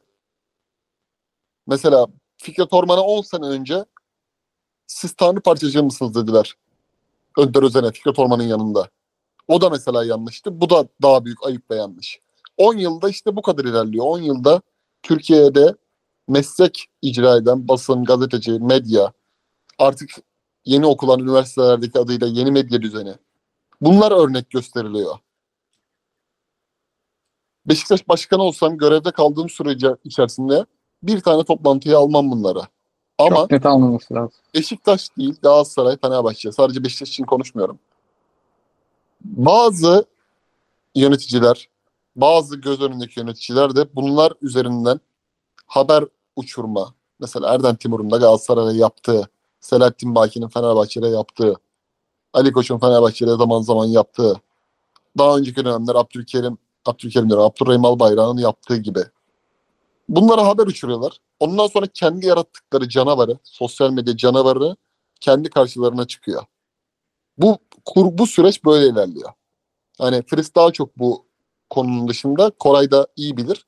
Yani bizim de böyle tanıdığımız ya hakikaten bu adam yılların gazetecisi, muhabiri dediğimiz adamların gerçek foyasını, gerçek yüzlerini öyle dönemlerde gördük ki inanamadık biz de. Evet evet evet. Hayatımıza İkna- girdi yani. İkna odalarını aldılar bizi. Yani aynen biz bunları Fris'te de anlattık mesela. Vay abi öyle miymiş falan. Bu kadar mı toksiklermiş tarzı şeyler söylenildi. Yani İkna olduk sanı, sanı ya. Biz bunları ikna ederiz baba. Elimizde PlayStation kolu var. Bir yandan FIFA oynuyoruz. Sen beni hiçbir şey ikna edemezsin o ara ya. yani bu adamların yaptıkları gazetecilik değil sevgili genç kardeşlerim. Bu adamların yayınlarını izle- izliyorsunuz ya mesela. Bu adamlar tuttuğunuz takımların kaosa düşmesini, paraların ödenmemesini, teknik direktörle oyuncunun kavga etmesini, oyuncuların kendi aralarına kavga etmesinden beslenen maşalık yapan adamlar. Mesleki anlamda işine saygısı olan adamlar değil. Zaten Koray'ın bahsettiği gibi duruş, oturuş pozisyonu buna el veriyor. Burada sobeleniyorlar. Ama hani bugün ben Beşiktaş yiyorlar, yarın Galatasaray yiyorlar. İki hafta sonra Ali Koç iki tane haber verir. Buraya mesela bilgi sunar. Bilgi dağarcığını geliştirir. Sunmaz da yani mesela Ali Koç demeyeyim de Erden Timur diyeyim. Ali Koç'u hedef koymayayım. Erden Timur iki tane haber verir mesela atıyorum. Galatasaray'a yaltaklanırlar. Böyle böyle iş yapan adamlar. O yüzden Hasan Arat'ın da cevabı, tarzı, üslubu böyle böyle yapacaksın. Bunun da arkasını getirecek yani. Yarın öbür gün sen benimle iyi geçin diye bu kliye oynamaması lazım. Ki öyle yapacaktı gibi de durmuyor. İyi başladı. Bunu söyleyebilirim yani. Bu çok gerçekten kanayan yara. Muhabirlerin işine saygısı olanı bir kenara ayırıyorum. Onu zaten herkes ayırt edebiliyor. Ama işine saygısı olmayan, mikserlik yapanını yeni düzende çok rahat ayırt edebiliyorsunuz. Önden ben de herkese tavsiyem bu gibi toksik şeyleri e, hiçbir şekilde takip etmeyin, prim vermeyin ve nemelenmeyin. Abi, Abi vallahi şey- hayat çok kısa ya. Vallahi hayat çok Aynen. kısa ya. Maçımızı izleyelim. Yani yanlış işler oluyor mu? Evet oluyor. Olacak. Hep olacak. 30 sene önce de olmuş. 40 sene de olmuş ama bunlara bu kadar odaklandıkça ya hadi bizden çıkarıp abi size iki tane isim söyleyeceğim. Sadece bizle ilgili de değil çünkü bu muhabirlikle ilgili olan konu bence. Ee, Fabrizio Romano. Sizce çok yani gazeteci mi? Çok temiz bir adam mı? Bence tamamen e, bazı insanların işlerini gören, duruma göre o insanlar değişiyordur. Hatta NBA'den örnek verelim. Adrian Wojnarowski. Woj. Yani Bak bir şey diyeyim mi? Woj o kadar da değilmiş de. Lebron'un etrafında bir lavuk var. Woj bizim sandığımız kadar değilmiş. Abi Loj, Woj hakkında bir dönem öyle şeyler yayınlandı ki, öyle e-mailler yayınlandı ki hani aa ne güzel haber veriyor denilen haberler nasıl manipülasyon, nasıl belli bir e, ortam oluşturmak için yapılan haberlermiş. Lebron'unkiler zaten aynen doğru. Dur kitabını buldum lavuğun. Brian Windhorst. Ha, Windhorst. Wind- Windhorst. Berbat bir adam. Bak Evet. iki tane kitabı var evde. Bir de lavuğa para kazandırdık uzaktan. Berbat bir adam. Şey ya ama Fabrizio abi mesela Fabrizio'nun yaptığı haberler yani özellikle yaz transfer döneminde o adamın yaptığı haber biçimleri falan çok enteresan. Bir de o influencer'dı artık ya. Di Marzio mu var? Di Marzio abi onun hakkında kötü bir şey okumadım. Ama tutunamadı. Evet. Ee, müdanasızın sorusunu cevapladık. Hem Galatasaray'da hem Fener'de cevapladık. Ee, Sal beni artık Cekin Bonucci sorusunu sorduk. Feris hocamız cevapladı. Ee, Yiğit Bey Panathinaikos'a sürpriz transfer bekliyor musunuz? İsmi geçenler hariç. İsmi geçenler Yusuf Sarı, Gravillon, Bakasetas. Bakasetas'ı da Beşiktaş alıyormuş. Onun dışında abi senin bir beklentin var mı Kıyıcı hocam? Şu gelir dediğin. Valla Coşkun Çelik yazdı. Emre Akbaba dedi. Kafamda düşününce olmaması için bir neden yok. Fatih Hoca bir tane Türk indirecek. Demek ki geçen sezonki Adana Demir performansını hala bende iş yapar gibi görüyor. 8-10 karışımı bir pozisyonda. Bernard'ı da yedekleyebilir gibi. Ee, yani o sürpriz hakkını Emre Akbaba düştü gibi duruyor. Düşünüyorum şu an. Samet Şey Akaydın düştü de bugün. Samet Akaydın düştü. Ee, Samet Akaydın da inanılmaz derecede Yunan Ligi stoperi yani. Benim 2-3 haftadır seyrettiğim Yunan takımlarına bakınca yüksek toplarda felaket derecede hata yapmayan ama oyun kurulumunda olmayan bir stoper Samet. Ee, Fatih Hoca o işleri Arao üzerinden bu hafta delege etti stoper sakatlıkları nedeniyle ama Samet'i de kullanabilir gibi düşünüyor. Tabii Türkiye'de Fenerbahçe Samet'e bonservis ödeyip alması özellikle çatlak sesleri çıkartacaktır Galatasaray taraftarı arasında Fatih ama Hoca'yla Ali Koç arasında geçecek transfer konuşmasını dinlemek isterdim. Evet. Net. Samet Solak değil mi? solak. İki tane solak stoper istiyor. Biri Samet olur bence de. Samet ucuza Bu- çıkarır Maliyet zaten. bir de abi. Pa- Pana'nın da bence çok büyük bir bütçesi yok yani. Kesin yok canım. Samet Solak değil ya bu arada. Samet Akaydın. Benim de FM açık durum bir bakayım. Değil abi değil. Bu arada daha çok Panathinaikos muhabbeti dinlemek isteyenler YouTube programında Aynen. bir göz atabilirler. Natspor'a bekleriz onun için. Endombele'nin Beyler 6-7 tane daha soru var. 2,5 saat bir yayın. Endombele'nin yükselen form durumuyla birlikte Galatasaray'ın orta saha rotasyonu sizce nasıl olmalı? Torreira Kaan Berkan 6 numaranın 3 alternatifi Kerem Endombele Eyüp vesaire artık kim varsa 8'in 3 alternatifi bence. Ben al- Endombele. yani burada abi artık bizim bir ara görüp konuştuğumuz Kaan Torreira artı şey 2-6 numaralı düzen sanki bu kadrodan çıkmayacak gibi. Yok zaten büyük maç çok az kaldığı için ligde çıkmasına da gerek yok da hani Endombele'nin yükselen performansı derken Endombele'nin bu maçta çok kötü görünmeyen performansı demek daha doğru bence. Çünkü yükselen form durumu demek için benim için bir 5 maç oynaması lazım bir oyuncu. Evet. Öyle bir durum yok. Bence bu maçta oynadığından çok daha iyisini e, ya Alanya maçıydı ya Adana Demir maçıydı. Kazımcan'ın da iyi oynadığı bir maçta iyi oynamıştı Endombele. Ama ondan sonra bir ay yine kayboldu. Yorum yapılacak Aynen. bir durum yok abi. Yani 5 maç üst üste sahada görmedikçe bu adamı ben konuşmak istemiyorum. Ee, Galatasaray bence 5 liraları 5 liralık banknotları birbirine yapıştırıp bir şekilde almalı orta saha oyuncusu. Valla Sivas deplasmanında lazım bana Endombele diyeyim ben de. Ben abi normal rutin akışta Kaan Torreira'yı bozmam. Önüne Kerem Demirbay'ı koyarım. Kerem Demirbay'ın gerçekten kendini bulduğunu düşünüyorum. Endombele'ye nazaran. Kerem Demirbay'ı biraz 10 numara pozisyonda Mertens'i oynatmayarak koyarım. Mertens'i artık böyle şey kullanacağız biz biraz. Juan Mata. Juan Mata powerbank gibi abi. Böyle hani el, şarjımız %42 iken 57-60 yapsın işimizi görsün kafasında kullanacağız biraz Mertens'i. Bir 35 dakika 25 dakika süre. Hani girsin bağlantı yapsın şekli kullanmamız gerekiyor bence. Zaha'yı da bu yaşanan Ziyeh olayından sonra sağ tarafta oynatırız. Zaha da orada oynayacağını gösterdi zaten Konya maçında. Zaha takımda kalacaksa eğer. Kerem'i de sola atarız. Zaha sağda, Kerem solda, Kerem Demirbay 10 numara. Arkada kutucu Kaan ve Torreira. Önde de sağlıklı bir şekilde döndüğünde Okan Hoca'nın dediği gibi bomba gibi döndüğünde Mauro Icardi ile ben bu şampiyonluk yolunu yürürüm abi. Takımı çok fazla Talişka'ya hazırladım az önce.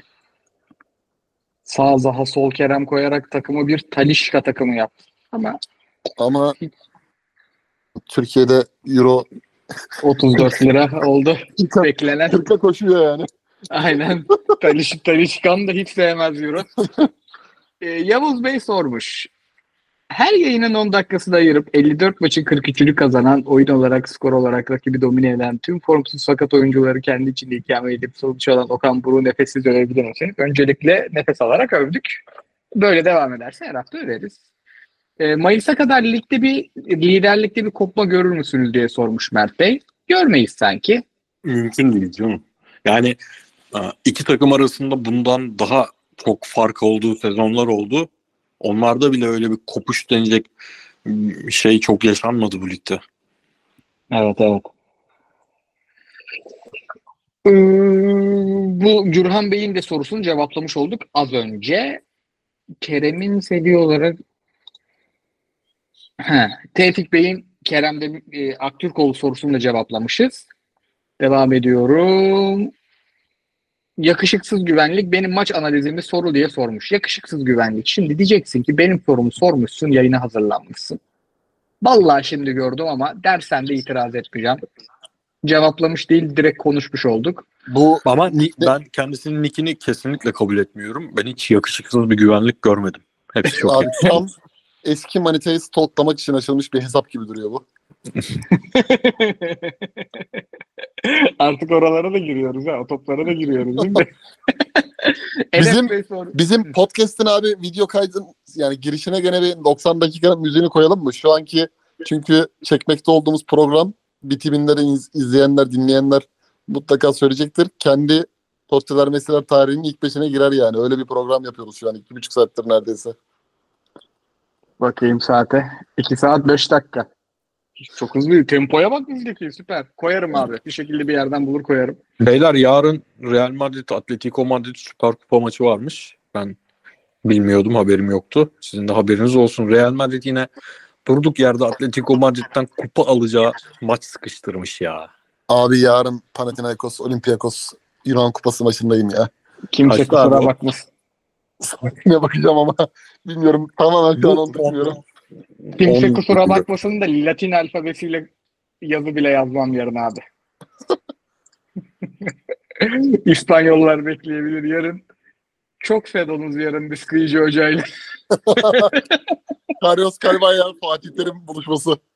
Hiç hayatta kaçırmam. Enes Bey sormuş 2024 yılında Bülent Uygun'un Süper Lig'de hala iş bulması hakkında ne düşünüyorsunuz? Renk getirdi deriz. Aynen. Ama Yunus Emre'yi de sormuş. Ya 17 yaşında Yunus Emre'yi sattı Sivas 5 milyona. Ligi 3. bitirse 5 milyon lira ödülü var. 5 milyon euro ödülü var.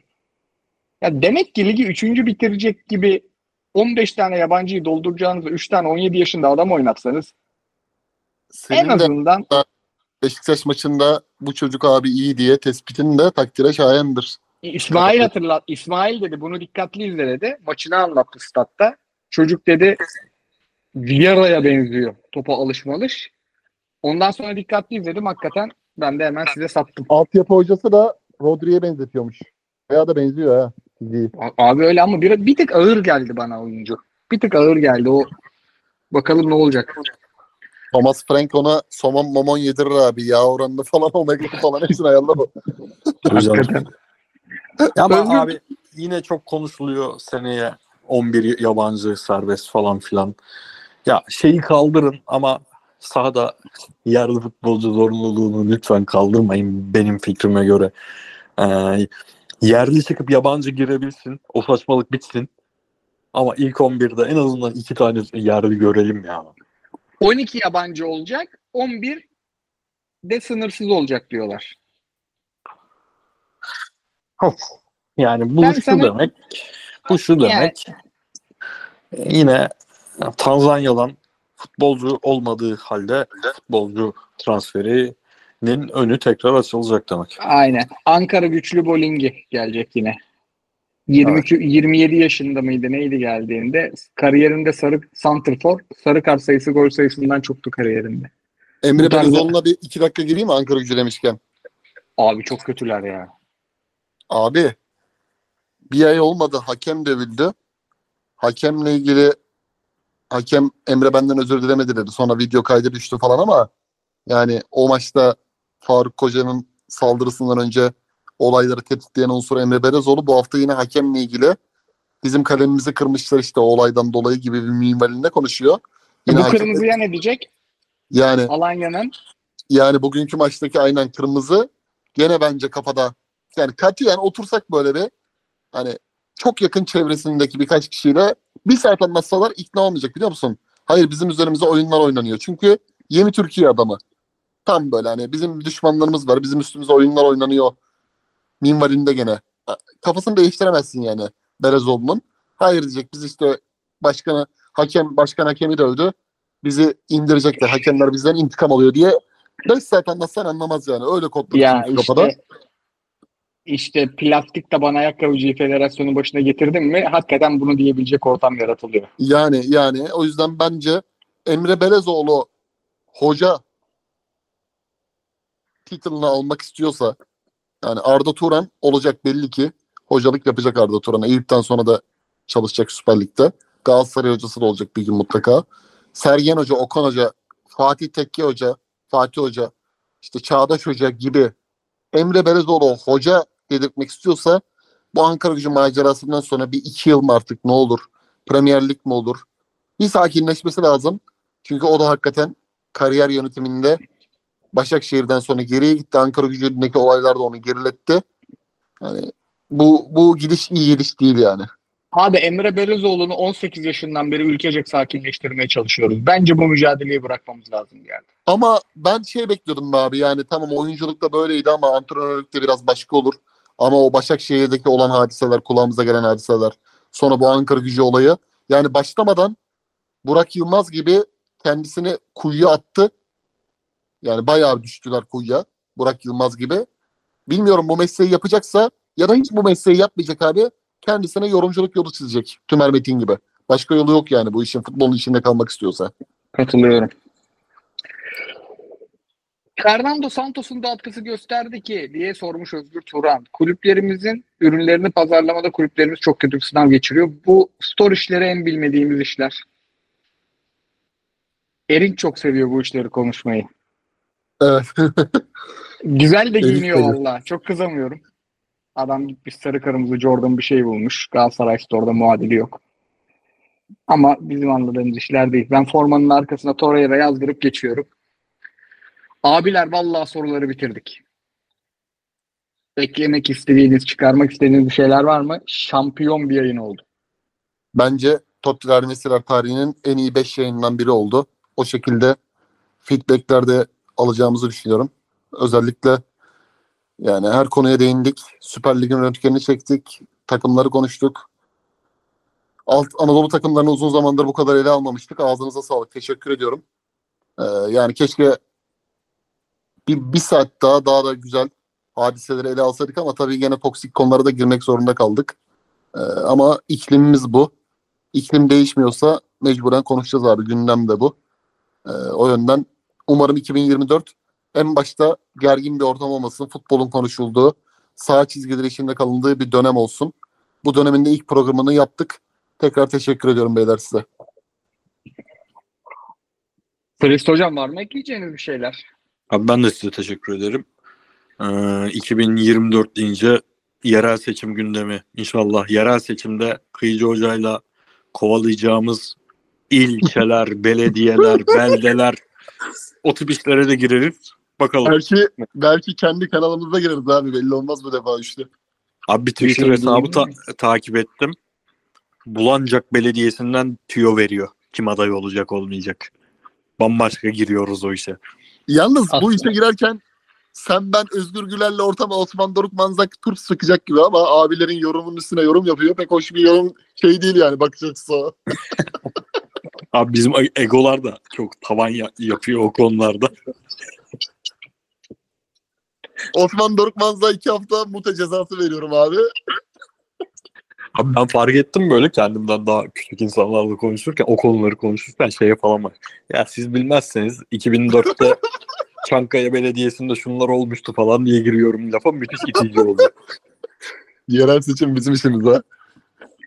Bir saat önce Galatasaray Ekmas takım takım için yeni bir formayı forma çıkarmaya gerek duymadı ve bu nedenle takım sezonu geçen senenin formasıyla sürdürüyor. Mesela eski açıkta bu konuşulmuş. Bu kalpler bir görüyor musun? Aynen. Adam bunu araştırmış. Bize soru geldiğinde bunu erince sorun dememizin bir sebebi var.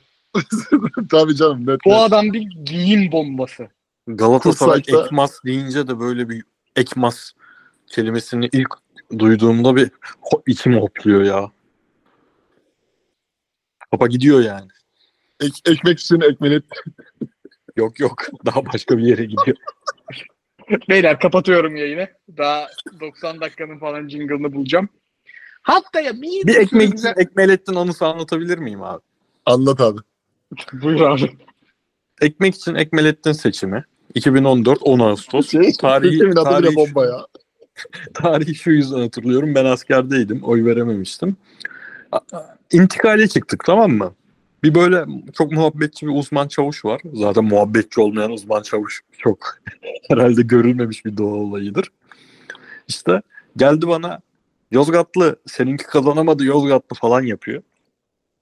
Ya adam da bir de babaanne, ay, anneannemin akrabası şey. Ekmelettin İhsanoğlu. Uzaktan da olsa akrabası.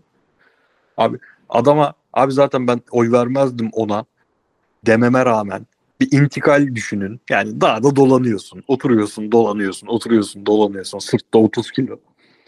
4 saat bana ya Yozgatlı böyle kaybettiniz. Böyle kaybederseniz muhabbeti yaptı ya. o yüzden Ek- Ekmelettin İhsanoğlu'nun bende yeri ayrıdır. Ama var ya onun alçısı da büyük alçıdır ha. Böyle hiç hoşlanmadığım bir muhabbeti 4 saat ara ara hatırlatmak var ya eziyettir eziyet. Abi başka bir uzman vardı. O da Yozgatlı bu. O Yozgatlı bu arada. Başka bir uzman. Çok ana anlatmayı seven bir uzmandı tamam mı? Abi bak abartısız. Bizde nöbet çoktu. Uyku çok problemliydi. Çok çok az uyuyorduk.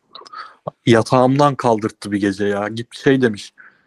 Gidip Ahmet'i çağırsanız Ahmet olmadan tadı çıkmıyor ana anlatmanın demiş.